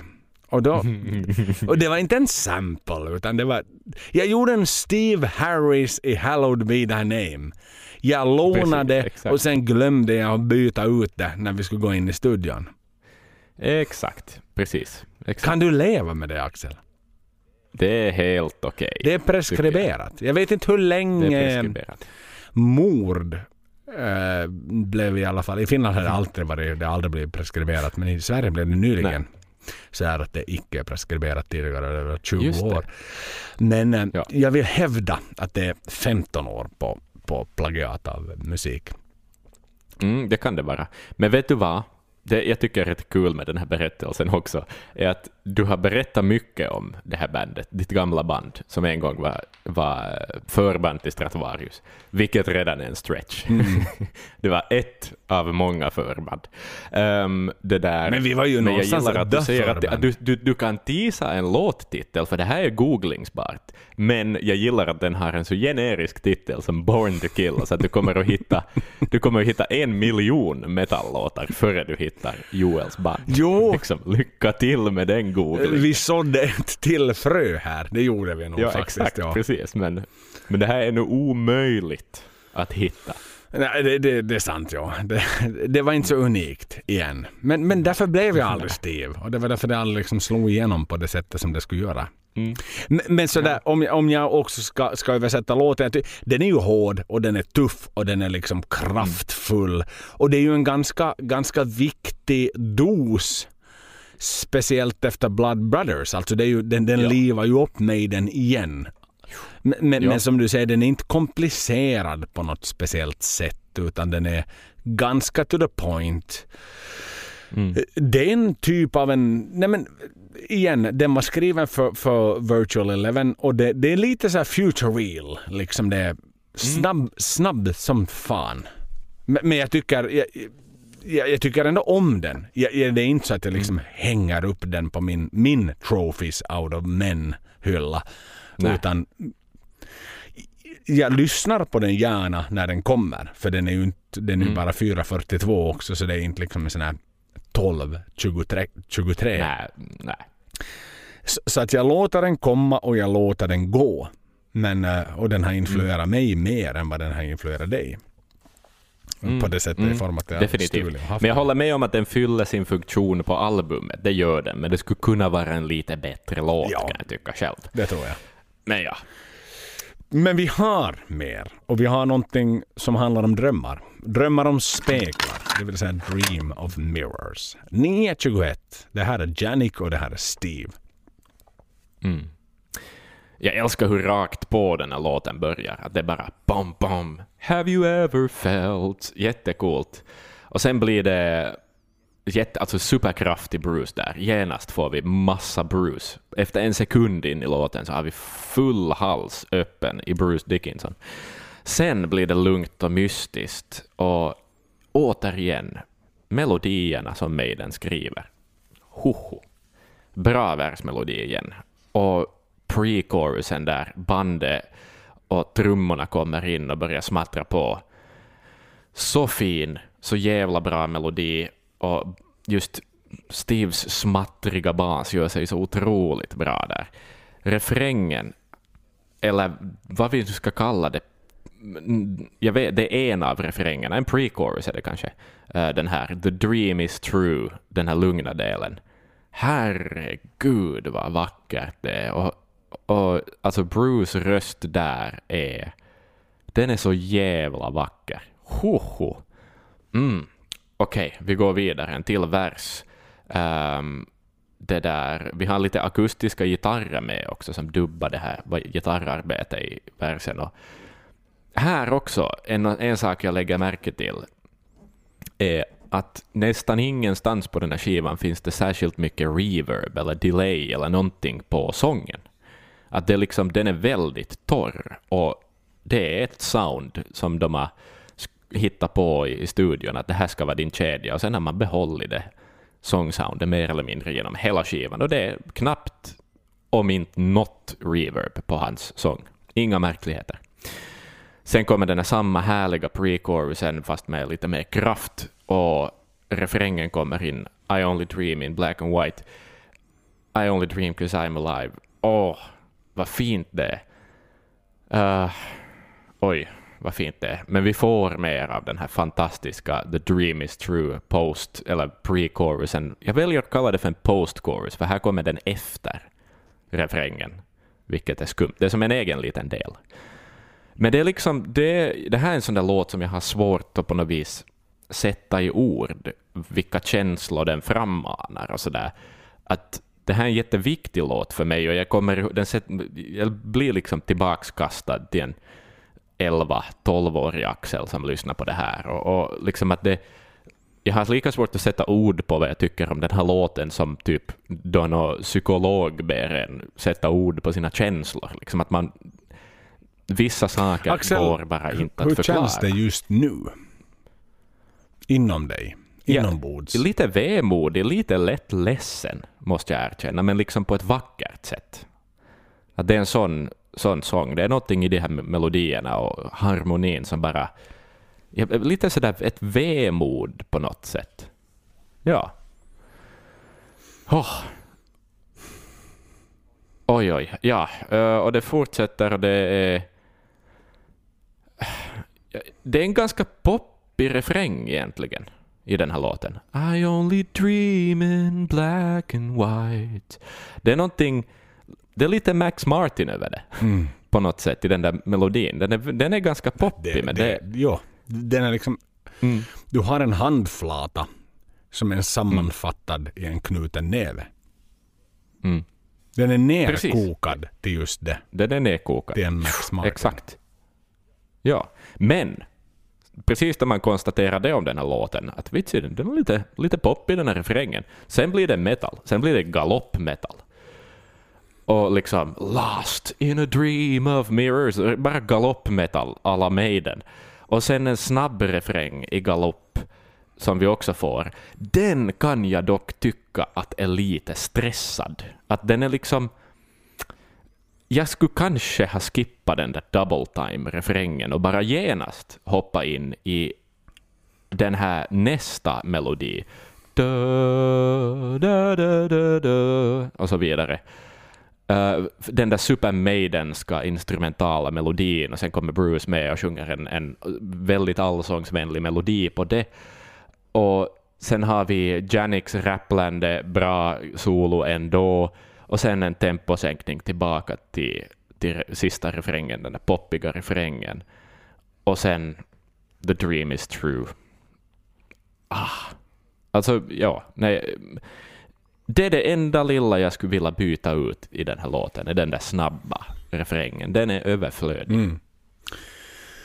Men annars, annars, alltså det här är en av mina favoritlåtar på den här skivan. Jag Definitivt. tror det var lite som vi var inne på i uh, No Pray for the Dying-låten, när den går över till det snabba. För mm. den är ju jättevacker som låt och vi båda irriterar oss mm. lite på att den blev snabb. Men det här ska också tilläggas att det var, här var en, en låt egentligen skriven för Virtual Elevens. Vilket Just jag har lite svårare med i det här fallet egentligen för att den här är, eller Bruce har ju gjort uppenbarligen mirakel med den här låten och, och den handlar liksom om, om mörka saker och ting och det är liksom mm. människors tankar, hur, hur, man, hur man lider genom drömmar och vad, vad det är som, som, som påverkar och på, på, på, liksom påpekar hur man ska leva sitt liv och hur det händer mm. på natten när man sover. Och en ganska liksom skrämmande del egentligen. Och Mm. Sen ska det sägas ju så här att när, när eh, en intervju som gjordes då med, med Steve där de frågade liksom om den här låten då, hur den kom till med, med Johnny B eh, någon radiojournalist så har han ju sagt att nio gånger av tio så har man en melodi, en väldigt stark melodi. Och sen så skriver man liksom texten på melodin av det som man vanligtvis gör. Mm. Eh, och så var även fallet med det här, att man, liksom, man, man jobbar på någonting on top på en stark melodi. Men, men i den här, alltså mm. nu, nu det här i, i, min värld, jag tycker det är en jättegrann låt. En, en, en stark mm. text, superstark text. Och en ny touch igen av Maiden. Det är det här, liksom det här mystiska kompet. Mm. Som inte har funnits absolut innan på Maiden på gitarrerna. Nej. Nej, nej. Och han lite så här lite gnällig röst. Mm.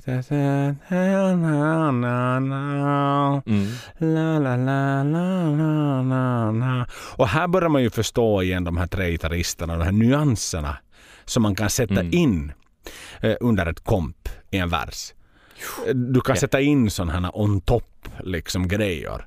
Mm. Eh, som inte har ja, funnits, en atmosfäriska saker som det har inte funnits utrymme för innan överhuvudtaget. Att det, det är ju en eh, och det är en drömsk låt av Steve och vi vet ju om mm. Steves vilda drömmar. Vi har pratat om dem tidigare. Och att, att mycket märkligt kommer från hans drömmar. För att citera Bruce liksom att så här, när han pratar om Steves drömmar att oh man, he's a tortured motherfucker.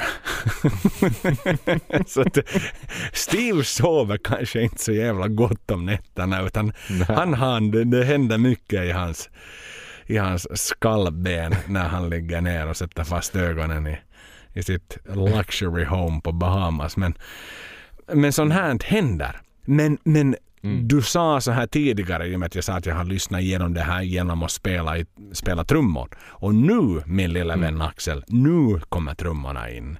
De bästa trummorna på skivorna. När han kommer in i det mm -hmm. I only, innan han kommer in i I only dream in black and white. Pam, pam, pam. Mm. I only dream in black and white. De, bara tre slagen. Pam, pam, pam. Det är så olikt Niko. För han ska ju... Vanligen ska det vara mycket... Men just det där... Pam, pam, pam. De tre raka slagen. Ta det med dig. Yep. Ta det med dig till nästa gång. Den kraft som han liksom ja. får ut i det. Wow, det är så ofantligt mm. stort. För min vet, del... Vet du Joel, Clive, Clive skulle ha gjort samma sak. Clive skulle ha liksom, han, han klappade Clive klappade när han hörde Niko förenkla saker för en gångs skull. Ja. Och även om du är lite emot den här snabba delen, men jag tycker om sångdelen i det. Lost in a dream ja. of mirrors. Lost in a paradox. Lost. And time is spinning. Lost. And a nightmare. Alltså, ja, och det var det jag menade, alltså den delen är helt fine. Det är helt fine att det blir snabbt. Men det är den där refrängen som kommer efter den delen, som är en snabb refräng. Ja, och sen kommer det liksom I only dream in black and white. Det är den refrängen som ska jag skippa. Mm. Allt annat får vara kvar, men den är överflödig. Ja. Men, men, men så här, vi tar en sekund. I only dream in black and white to save me from myself. Mm. Mm. De orden skrivna igen. Ja, det är nog faktiskt svinbra. Ah. Det är faktiskt svinbra. Mm. Men det är häftigt. Mm. Det blir ju inte mycket häftigare än så. Nej, och fan, Steve har ju skrivit en personlig text här ja. också. Det här är inte en berättelse om någon tsar eller vet du något annat, utan här har han skrivit om sig själv. Lite som han i och för sig gjorde på en annan väldigt hemsk skiva, men här har liksom, här har han fått till det och här finns det utrymme för det. Mm. mm. Och den kanske var till för Blaze Virtual Elevens, men, men mm. wow. Nej, det här är en mm. låt som så här generellt, alltså jag har, jag har tyckt om den. Men den här har liksom nog stigit i min aktiekurs. Hade jag köpt mm. aktier, hade jag köpt aktier i Dream of Mirrors just nu. För att den Mm. är på väg upp. Ja. Alltså den kommer att stiga. Jag, jag säger åt er där ute. Wall Street is open. Köp aktier i Dream of Mirrors. Definitivt. Woo! Det finns ju några fler. Det finns The Fallen Angel, fyra minuter på pricken. Och det här är Adrian och det här är Steve. Välkommen hem Adrian igen. Japp. Ehm, vi talar om Janik-faktorn, men att här tycker jag ju det här är ju ett sånt där Montsegur-riff, liksom, som den här låten inleds med. Och just sådär diminished skalor, det är, det är jättemetal. Och sen, ja det här är ju en cool låt tycker jag. Det, det här var en liten sån där doldis för mig. Det, då jag ser titeln så är jag lite sådär, ah hur gick den där nu igen? Att den glömmer jag lite, men jävligt tungt alltså. Och refrängen i den här låten är så satans metal. Could it be it's the end of our world? Den är så heroisk på något vis. 'Cause I am the chosen Och det är ju one. så mycket liksom- musik i refrängen. Ja. Alltså så mycket melodier och musik i refrängen. Mm. Så det är ja, och fyra band som spelar kommer- samtidigt i refrängen. Så är det, så är det. Så är det. Och så kommer det in och så spelar, antar att det är Adrian, det där lite wasted yearska bakgrundsriffet där också i refrängen. Ehm, sen kommer det här tekniska, eh, vad jag väljer att kalla för Phantom of the Opera-riffet. Um, Eh, vers två fortsätter, basen fortsätter smattra. Uh, Pre-chorusen är också jättemetal. Och då, kom, då kommer den där, i andra refrängen kommer Adrians det där lite wasted yearska riffet in i bakgrunden. Också ett, ett lite, vet du, krydda lite till till andra refrängen, väldigt bra. Och sen solorna, vet du, metal-solon, metal as fuck. Uh, och sen gill, alltså, jag tror att det är Janik som inleder, han spelar första solo, och sen tar Dave, det här är liksom heavy metal, vet du, då det är som bäst, är då andra gitarristen hoppar in på samma ton som föregående gitarrist avslutar sitt solo på och bara fortsätter. Det är hårdrock. Och sen kommer det här andra solo som kommer med de där breaksen också. Uh, musiken breakar lite och så är det bara som shred alla Yngwie Malmsteen. Alltså Ynke skulle kunna vet du, sweepa dimskalor där i de där breaken. Men det är jättemetall och metallrefrängen på nytt. Och sen en liten add-on outro-grej där de bara sågar på E-strängen. Alltså det här är den mest metal-låten på den här skivan och den är ju svinbra. Den, den sk jag skulle ha satt, jag skulle ha bytt plats mellan den här och Mercenary, tror jag. Mm. Det skulle jag kunna göra. Nej, det är Svin. jävla fart i den här låten faktiskt. Det måste jag ju säga. Den är tung som ett lokomotiv. Mm. Och, och kupu, kup, kuporn, pukorna, kuporna. De kupade pukorna som bara liksom rullar på där. Och, och som jag var inne på, den här händelserika refrängen. Det här påminner lite om uh, For the greater good of God. Mm. Det är Ja. så inne, alltså det är så många orglar i kyrkan som, som står och pipar på i den refrängen. Det, det är exakt Japp. samma som i For the greater good of God. Det, det, bara liksom det, det tar aldrig slut med ljud och moment och händelser och, det, och allt är liksom sammanflätat i en fantastisk symbios. Och, och det här Adrianska riffet och gitarrspelet. Igen, än en gång. Nu, nu, nu är det ju Welcome Home Adrian på något sätt. Det är tungt och det är Maiden. Och, och det som Maiden alltid har låtit fast i lite hårdare tappning. Alltså Adrian har blivit lite kaxig. Han, han har blivit Jag vet. lite, vet du, ärrad. Det här vet du, är tillfället i den här podden då vi eh, ska göra en sak. Det här är ju väldigt metal och jag tror lite att kanske Adrian inspirerades av den gitarr han hade i studion främst. Vi har ju sett honom spela på Les Pauls och på ehm, en Explorer på 80-talet och sådär. Och Han har ju Jacksons gillat lite andra... Jepp, exakt. Lite mer metal, lite andra shapes och så vidare än bara en Stratocaster. Och här, faktiskt uh, enligt den här, eh, vad heter det, käre kroaten som vi har hänvisat till några gånger. Han plockar fram någonting från en intervju någonstans. Han spelar alltså på en, inte bara en Flying V, utan en Jackson King V, som är liksom den där Dave Mustainska, vet du, metal Flying V-gitarren som är lite vassare i ändarna. Mhm. Eh, den Jacksonen spelar han på. Och liksom, har man en sån yxa i händerna så då tror jag nog att man vill skriva sån här riff också. Eh, helt, helt klart. Eh, om någon vill veta mer om Gear så kan jag nu passa på att rappla, Låt rabbla upp. komma Axel, låt komma. Okej. Ja, det som är väldigt spännande här är att han liksom bara har en, ett slutsteg som sen går till hans högtalare som är 2412-skåp.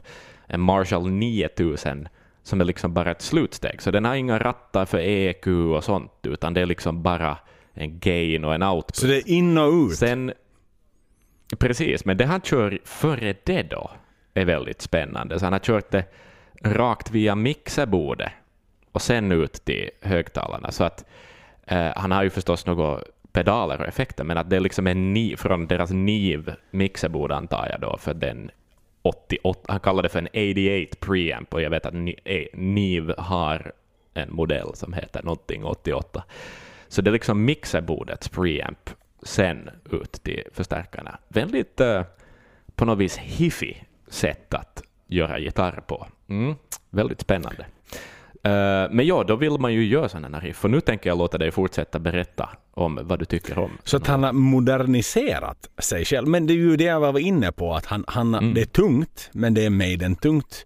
Och det är ännu mer tungt på 2000-tal. Alltså det är liksom, Mm. och, och, om vi då är inne liksom på gear and music, du vet med, med wasted years, som alltid gick igenom en, Mm. någon typ av synthesizer pedal. GR 800. Exakt.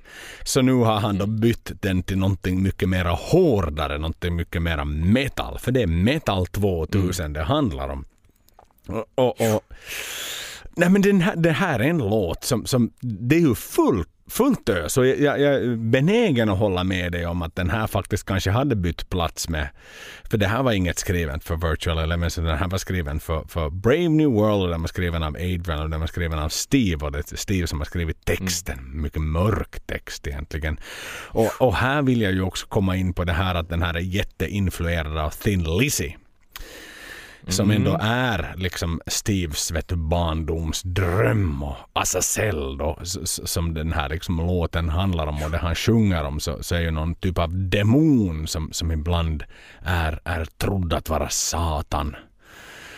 Som då liksom är, är personifierad i, i, i den fallen angel då.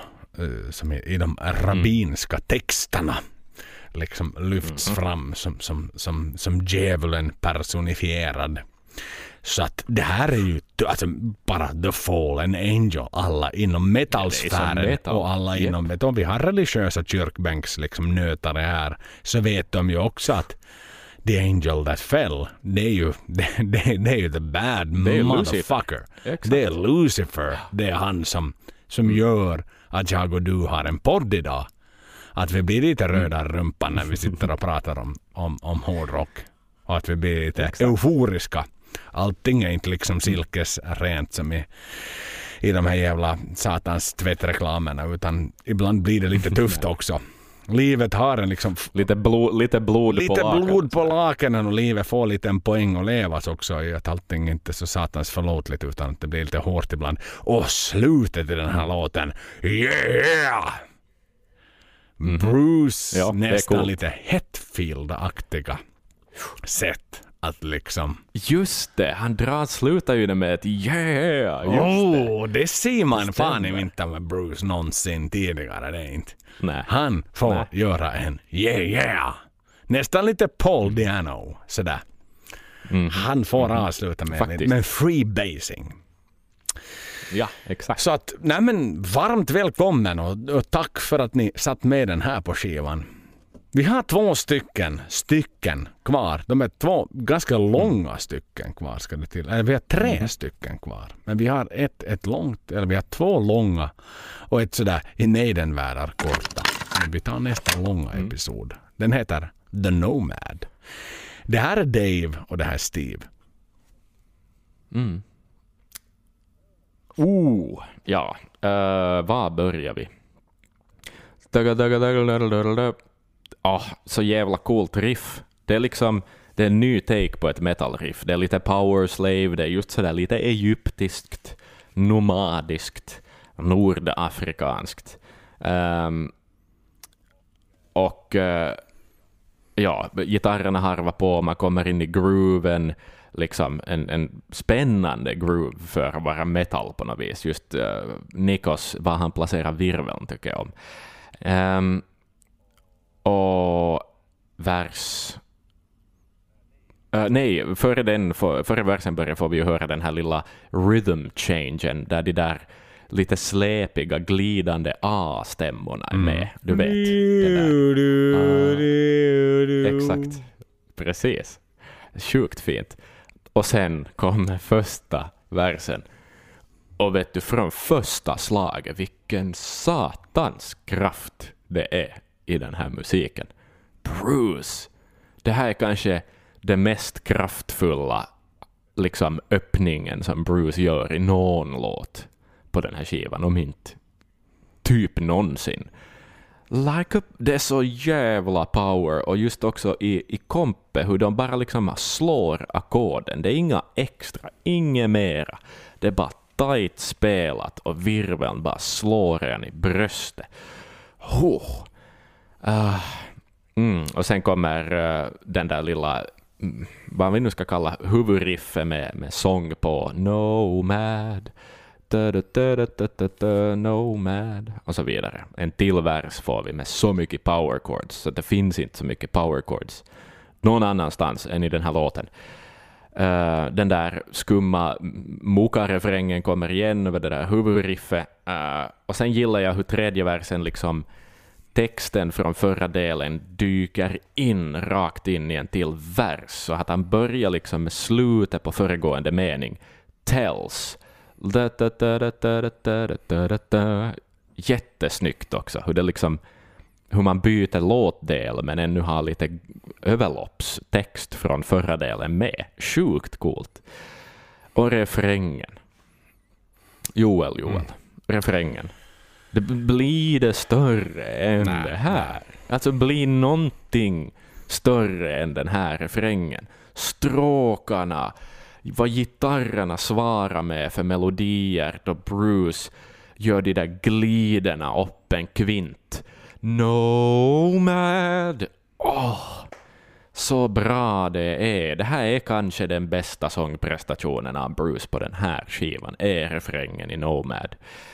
Sen har man liksom just återhämtat sig från den refrängen och så hoppar vi in i lite solo-grejer. Jag tror det är Janik som drar lite egyptiska licks och sen kommer den här sköna glidande A-kören in igen och den delen. Sen har vi Dave, möjligtvis som spelar solo, Adrian, ett hemskt tekniskt solo, en till vers som är samma kraft som den första.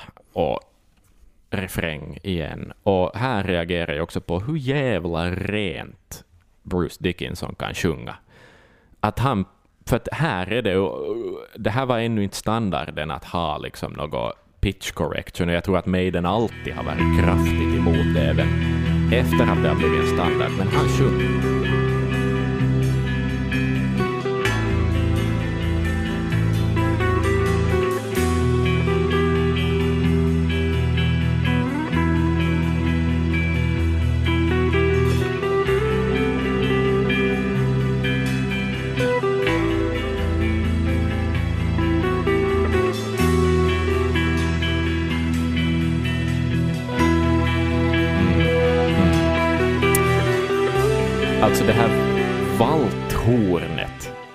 Alltså att man unnar sig att lägga in ett valthorn. Och fucking hell vad det platsar. Och det, det är ju lite en odé till Ennio Morricone som ju förstås dog för bara en kort stund sedan. Att den har ju, han kan ju sätta ljud på öknen, men här har Maiden gjort det på sitt sätt men med en liten hint till Ennio Morricone. Och så hur den bara växer och växer och växer och växer. och pumpar på och den där gitarrmelodin, även om tyngden bara stiger i låten och det blir liksom mera och mera hårdrock, så hålls den där melodin med den där otroligt vackra, cleana gitarrsoundet. Helsike. Det här är en sån där Maidensk melodifest som det, det blir inte bättre än det här. Det blir inte bättre. Jag har oerhört svårt att prata om den låten. Det här mm, sådär, jag kan plocka fram något basic facts. Det var, den är krediterad till Janik. Eller till, förlåt, Dave och Steve och, och, och, och Steve har sagt att det är Bruce som har skrivit texten, även om det är han och Dave som är krediterade. Och den är liksom, som du var inne på, den är sådär vibes of Middle East. Men, men Mm. den, den här är som den här är så stor den här låten för mig. Den här, det här är nog den största Maiden-låt för mig. Det här är inte... Det här var kanske Rime of the Ancient Mariner för andra. Det här kanske var, vet du, andra stora episka låtar är för människor. Men, men The Nomad för mig är definitionen på, på vad Maiden kan framkalla liksom i, Ja. i, i en faktor hos mig som gör att det stannar upp i livet och jag reflekterar över saker och ting. Och, jag, jag kan som inte säga att den här delen är jättebra, den här delen är jättebra, men, men just det här liksom hela den här låten och, och, och specifikt naturligtvis mellanspelet med valthorn och allting. Det, det är som som jag blir tårig. Jag blir bokstavligt, jag börjar tappa. Ja, Jag, jag står här liksom och gråter nu när vi bandar det här för det, det är så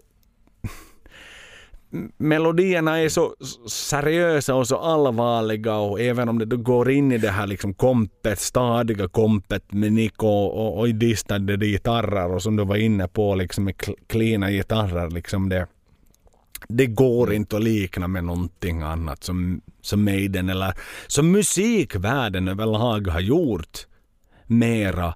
Mm. Utan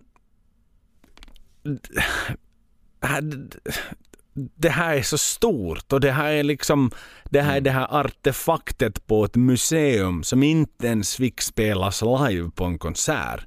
Nej. Utan det här är en, Nej. det här är liksom, det här är den här ädelstenen som man bara står och tittar på och reflekterar på och tänker att wow vad livet är värt att leva och wow vad, vad, vad saker och ting kunde ha blivit bättre och vad kunde saker och ting kunde ha blivit sämre. Åh, jag, jag, kan jag kan inte gå in i detaljnivå men jag kan helt enkelt bara säga att det här är Maidens, för mig är det här Maidens bästa låt någonsin. Nu är det Mm. bara där. Ja, jag tänker tillbaka på då vi körde till Vegas, så lyssnade vi på den här i öknen. Och, och jag minns hur vi båda var helt jävla tagna av hur fucking bra det här är. Liksom att... Jag, och jag tror också kanske det är det, att bristen av liveuppträdanden av den här låten gör att den är lite extra speciell. För att vi har inte lyssnat sönder den. Vi har aldrig, vet du, den är inte på Rock in Rio. Den är inte, den finns ingenstans, utan den finns bara då man väljer att lyssna på albumet Brave New World. Och då kommer den där som en, som en sann och true, true liksom deep cut, som är bara liksom den där finaste diamanten som är där längst ner, som bara de som är smarta nog att inse det förstår hur bra det är. Mm. Att den det är en speciell Maiden-låt det här. Det, det är det faktiskt. Den, Det är en, och jag har ibland funderat liksom, varför har vi inte fått höra den live? Men, men kanske, vet du, kanske det är en bra sak. Kanske det, kanske det. För den är ju också jättesvår. Då ska det säkert vara backing tracks och grejer. För att verkligen liksom, Mm, ja, med du det här. kan inte ta det med, Göra den rättvisa. med Michael ja, Kennys liksom synt där i bakgrunden att få de här valthornen och allting. Och, och, och, och, vad jag ändå vill bara säga, liksom, jag vet att jag skojar personligen lite om Daves liksom, prestationer sådär. Och, och, Ja, men helvete, här... men, men, men, Det här- men det är ju som bortraderat. För, för Dave, har, Ja, Dave ja, har skrivit Iron Maidens bästa låt någonsin. Så att Ja.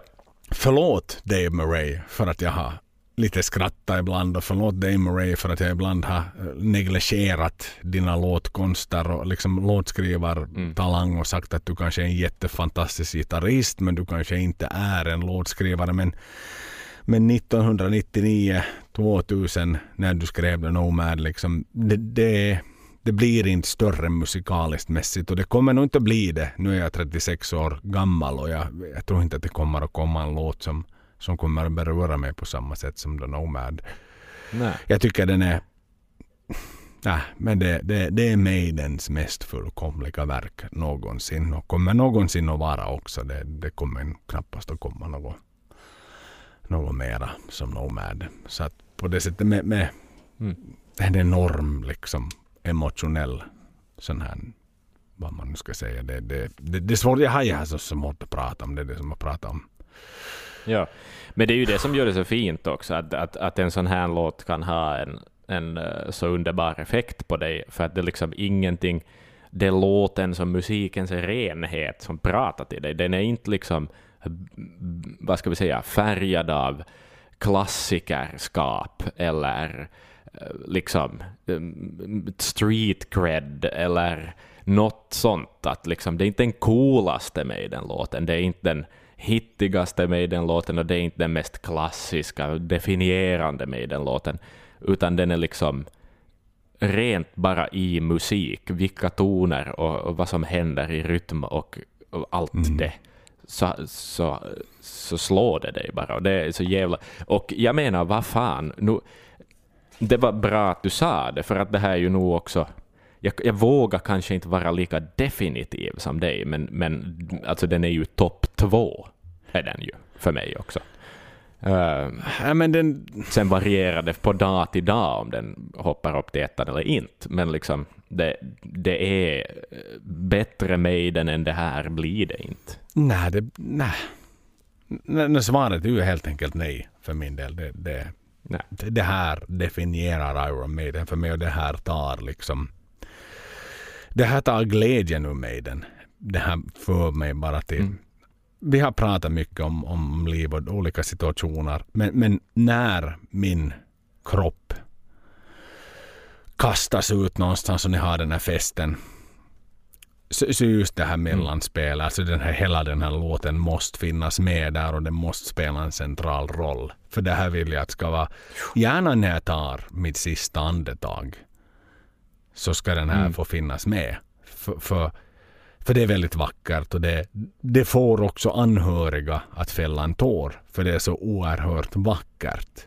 Så även om det är hårdrock och det är metal och, och jag har liksom familjer som, som, som absolut inte tycker om hårdrock och metal utan hellre lyssnar på popmusik. Så kommer den här till och med att få dem att, att liksom bara... Det, det, den, du kommer inte ifrån den allvarliga undertonen som The Nomad har i bara sig hela Nej. låten eller mellanspel eller någonting. Att det här är, vet du, hands down liksom. Det, det, jag, jag kan inte säga mer än att det är därför vi har en podd. Det är därför vi håller på med det här. Det är på grund av The Nomad.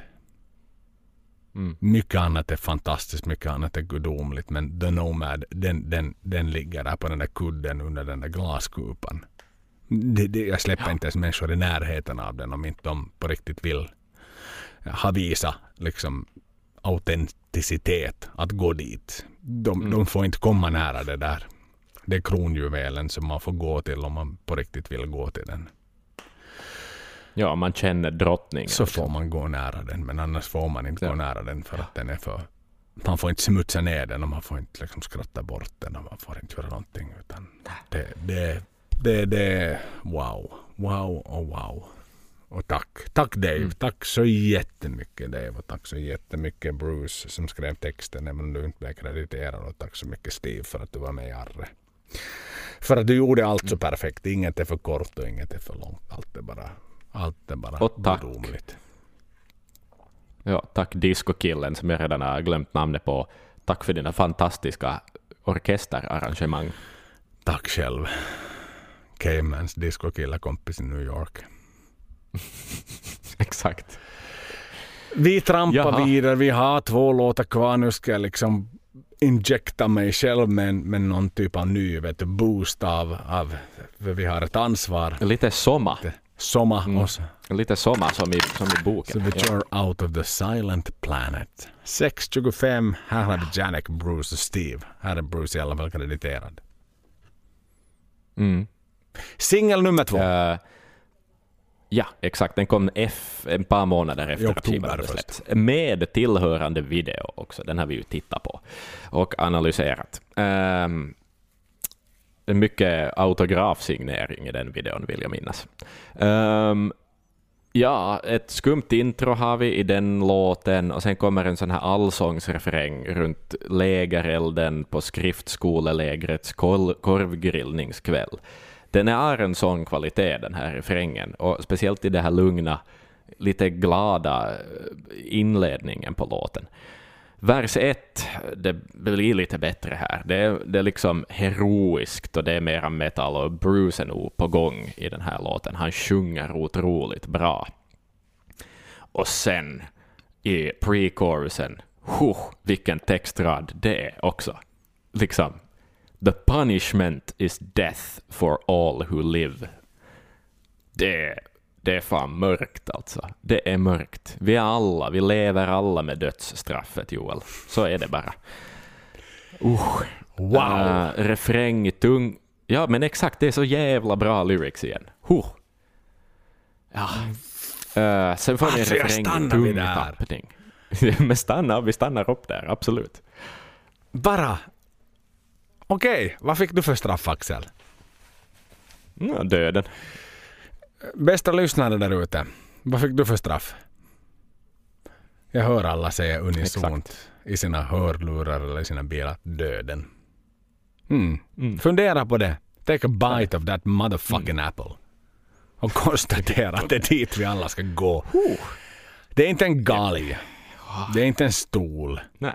Det är inte en, en man med, kåpa som står liksom och ha, har ett vasst svärd. Men det kommer. Det kommer snart. Ja. Eller det kommer om en stund. Eller det kommer lite senare. Vi sitter alla på motherfucking death row. Så är det. Ah, helsike. Okej. Uh, vers två, lite intensivare och sådär. Refrängen, den där, det är också en ganska poppig refräng i den här låten, det ska jag ändå säga. Den har den där...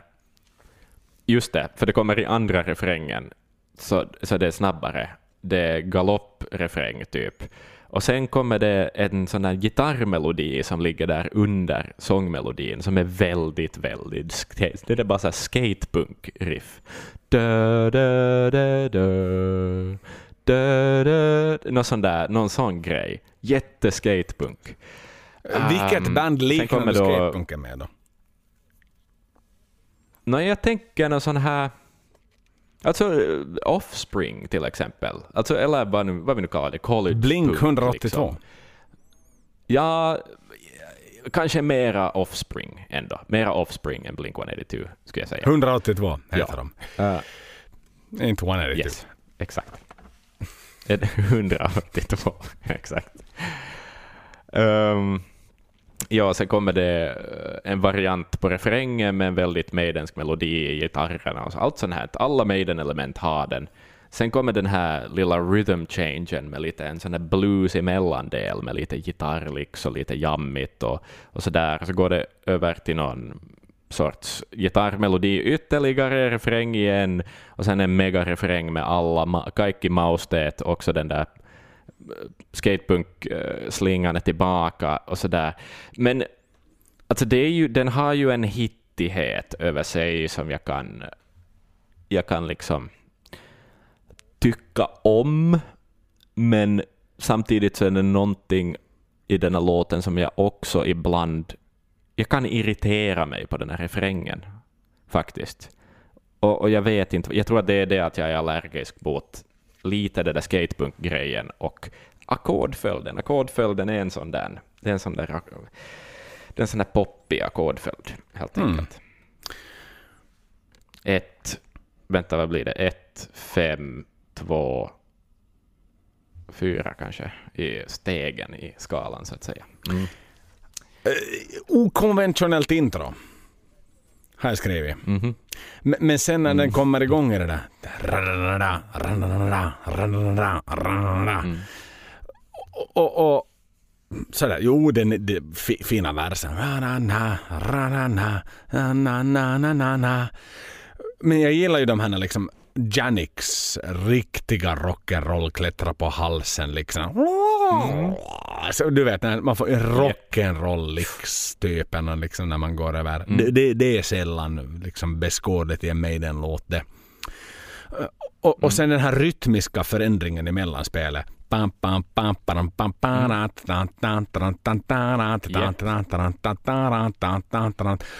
Och där tycker jag att det kanske kommer till och med skivans intressantaste solon. Mm. Som då sen sedermera smälter ut i en väldigt härlig och underbar melodi. Hur den nu sen går liksom. Men, men du vet, den går ut i en Precis. melodi. Och, men jag kan ja. ha lite synpunkter på det yttersta slutet. Du vet när Bruce mm. blir snabbare och snabbare. Ja. Lite sådär, vet du, kanske jag vet du, om jag nu skrapar kanske får någon typ Mm. av någon typ av signal på att det kanske är lite av en albumfiller. Och det här är första Ja. gången på skivan som jag får någon typ av motkontakt där inifrån. Att jo, hej, Mm.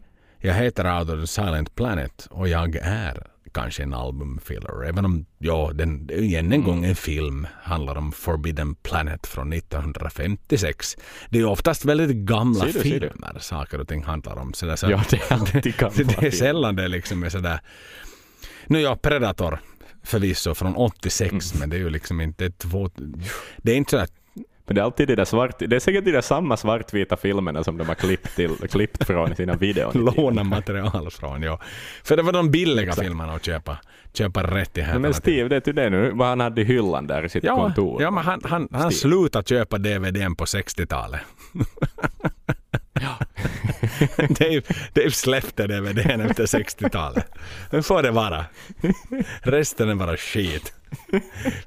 Det gjordes inga bra filmer efter den tiden. 59 var det sista bra filmåret. Det sa Dave. Eller det sa Steve, förlåt. Ja, nej men jo, alltså he- fine song, sådär riktigt, riktigt okej. Riktigt okej. Men, men, men nu jo, inte, det är en andra singel, vilket också är lite intressant val av singelval. Så det hade nog kanske, eller jag vet exakt vad jag hade valt som singel nummer två.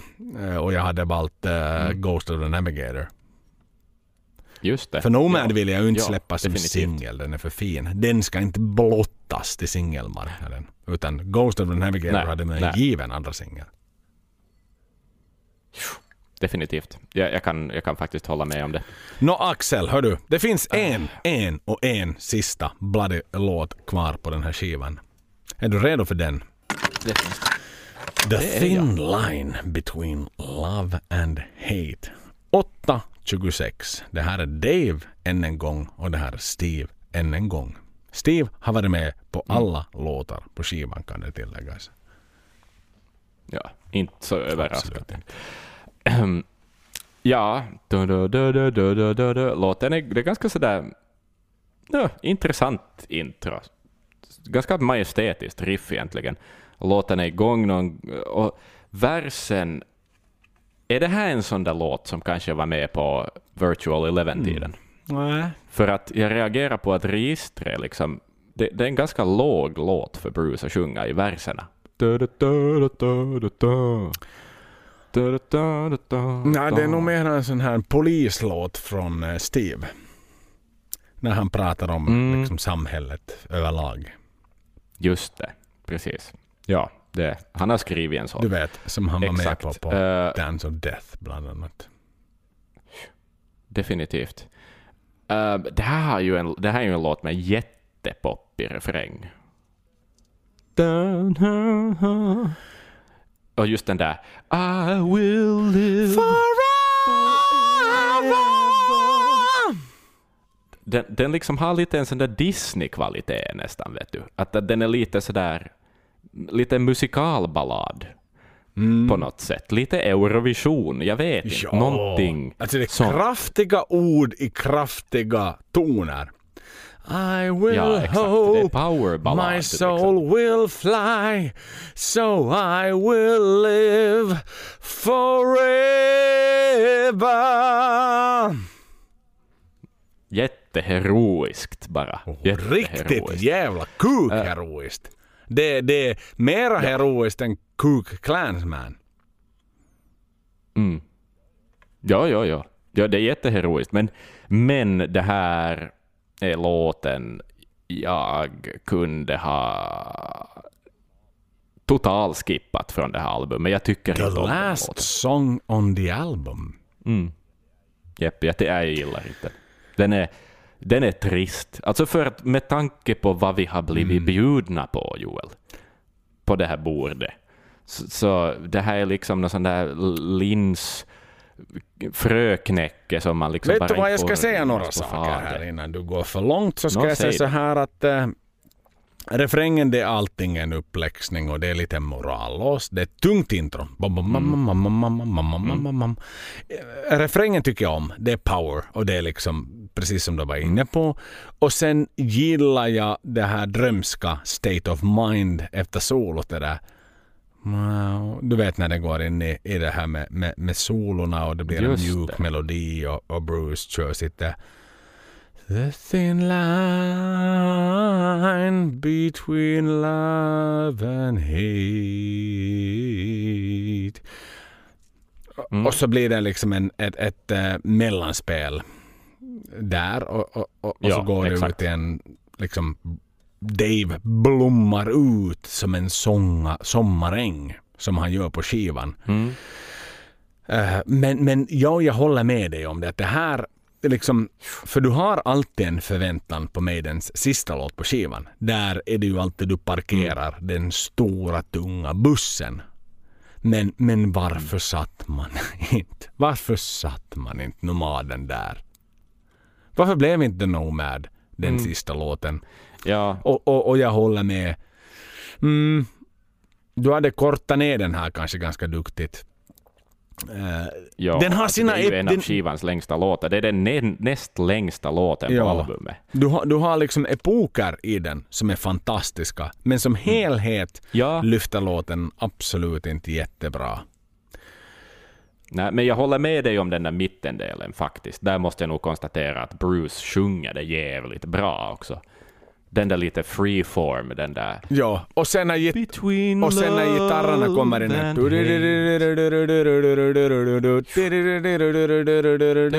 Ja, det är snyggt. Det Hela är den grejen är jätte, jättebra. Men, men, men låten i sig har inte den kvaliteten för att vara en sista. Vet du, den stora episka.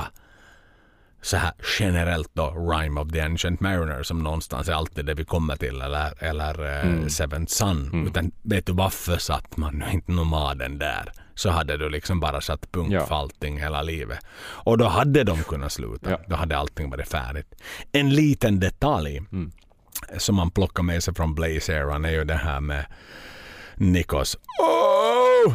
I fucking missed it! Ja, exakt. Jag älskar det som slut ändå. Det, det, det ger lite rättvisa till den låten. Jag tycker om att den slutar så. Är Hela det ett hommage Det är lite ju från visa att allt inte skulle bytas ut från eh, Blaze-tiden?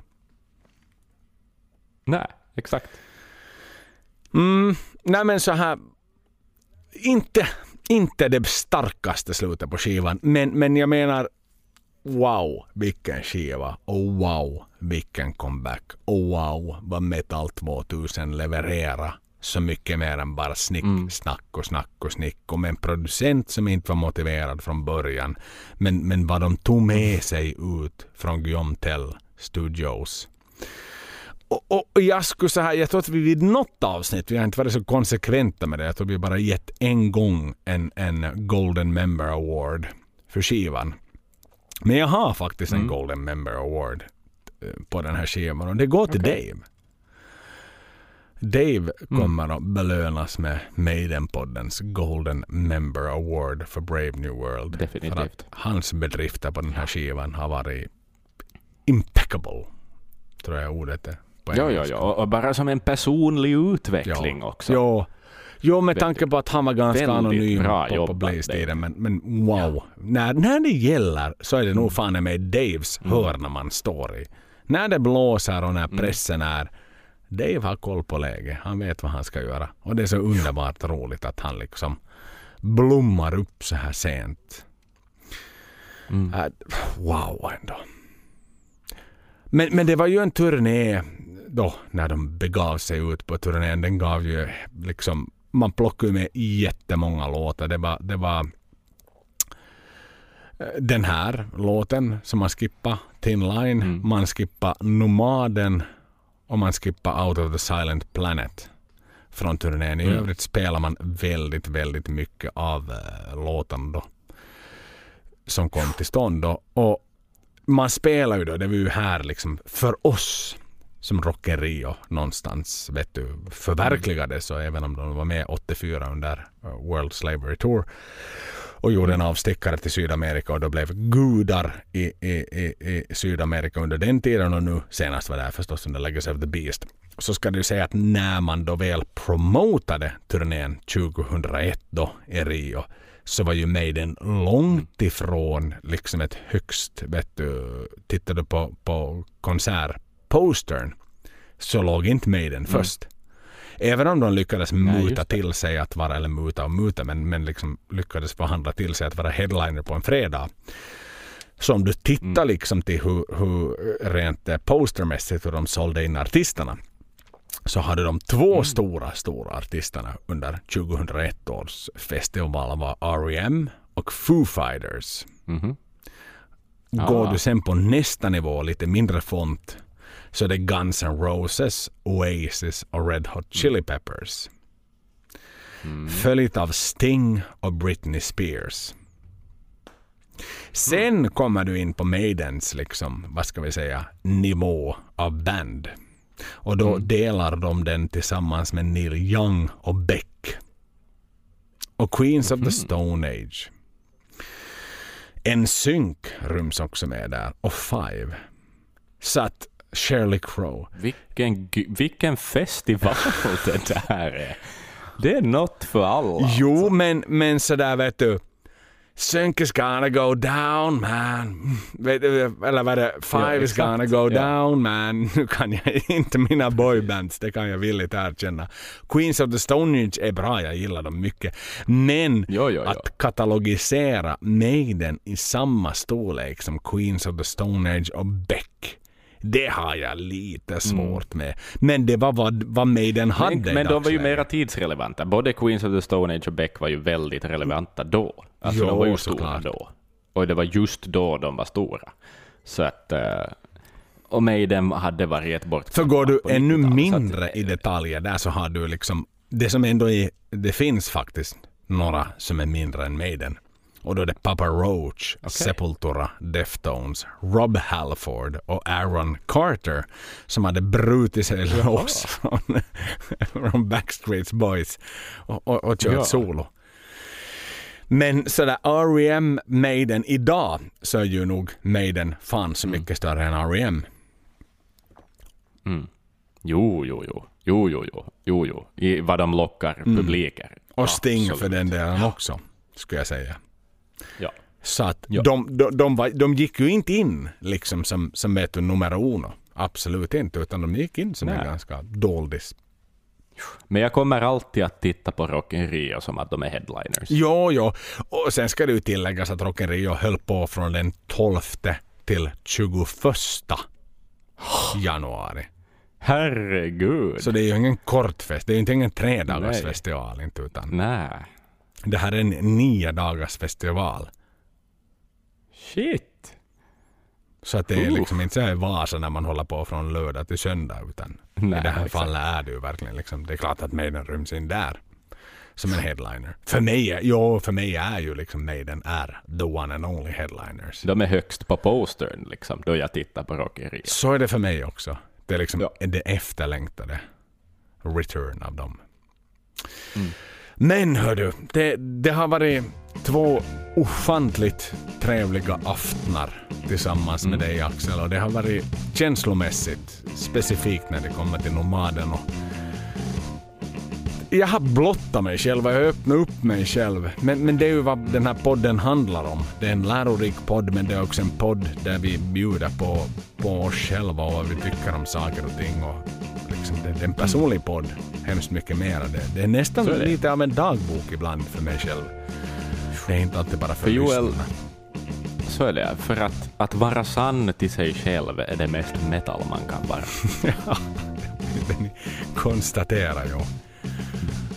För så är det och, och, och nu har jag gått ut med liksom att jag har, nu har jag gått ut med min favoritlåt med Maiden någonsin. Sådär, så nu finns den där och jag vet att säkert många liksom pff, vad satan. Ni har Ja. ens pratat om Powerslave ännu. Nej. Era jävla kukar. Men, men den ligger Ja, men det jävla skitalbumet har vi senare. Nej, jag skojar. Jag Exakt. skojar. Jo, det där jävla ifyllnadsalbumet från 1984. Det, det, det. Eventuellt som ett bonusavsnitt kommer det någon gång. Till Patreons bara. Exakt. Exakt. Vi gör om X-Factor istället i mera kommersiell tappning. Ja, också vet du det är fittigt bra. Fortunes of War är så... Den, är- den är nog jättebra låt. Jag hade hellre bytt ut liksom alla låtar på den här mot Fortunes of War. Yeah right. Nej, det kommer inte. Nej men hörni, det har... Kul att ni har följt med oss. Vi hade en paus på, på, en, på, på en par veckor vad det nu blir här då.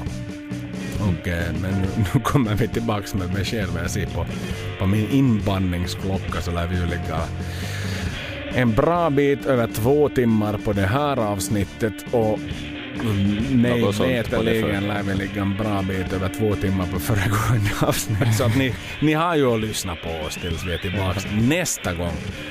Det blir inte lika mastigt men det blir bra och det blir intressant nästa gång. Vi kommer säkerligen... Jag kan säga att vi tar en medlem. Jag tror att vi kan till och med Ja. lova det. Att nästa avsnitt Det, det börjar vara en tid sen. Ja. det är dags att följa upp det spåret. Men, men har du något avslutande att säga om hela Metal 2000 Brave New World-eran Nå, har man eh, tagit sig igenom allt det här så antar jag väl lite att man också har hört att vi har en e-postadress man kan höra av sig till. Vi finns på Instagram, vi finns på en Facebookgrupp eh, och allt det här. Du kan bli Patreon om du har lust och, och värdesätter att vi talar, sätter fyra timmar av en ledig helg på att prata om det här albumet. Fyra och en halv eller fem? Ja, exakt. Men ni vet det här redan, så att nej. Men tack för att ni har lyssnat. Puss och kram och... eh, Up the motherfucking irons!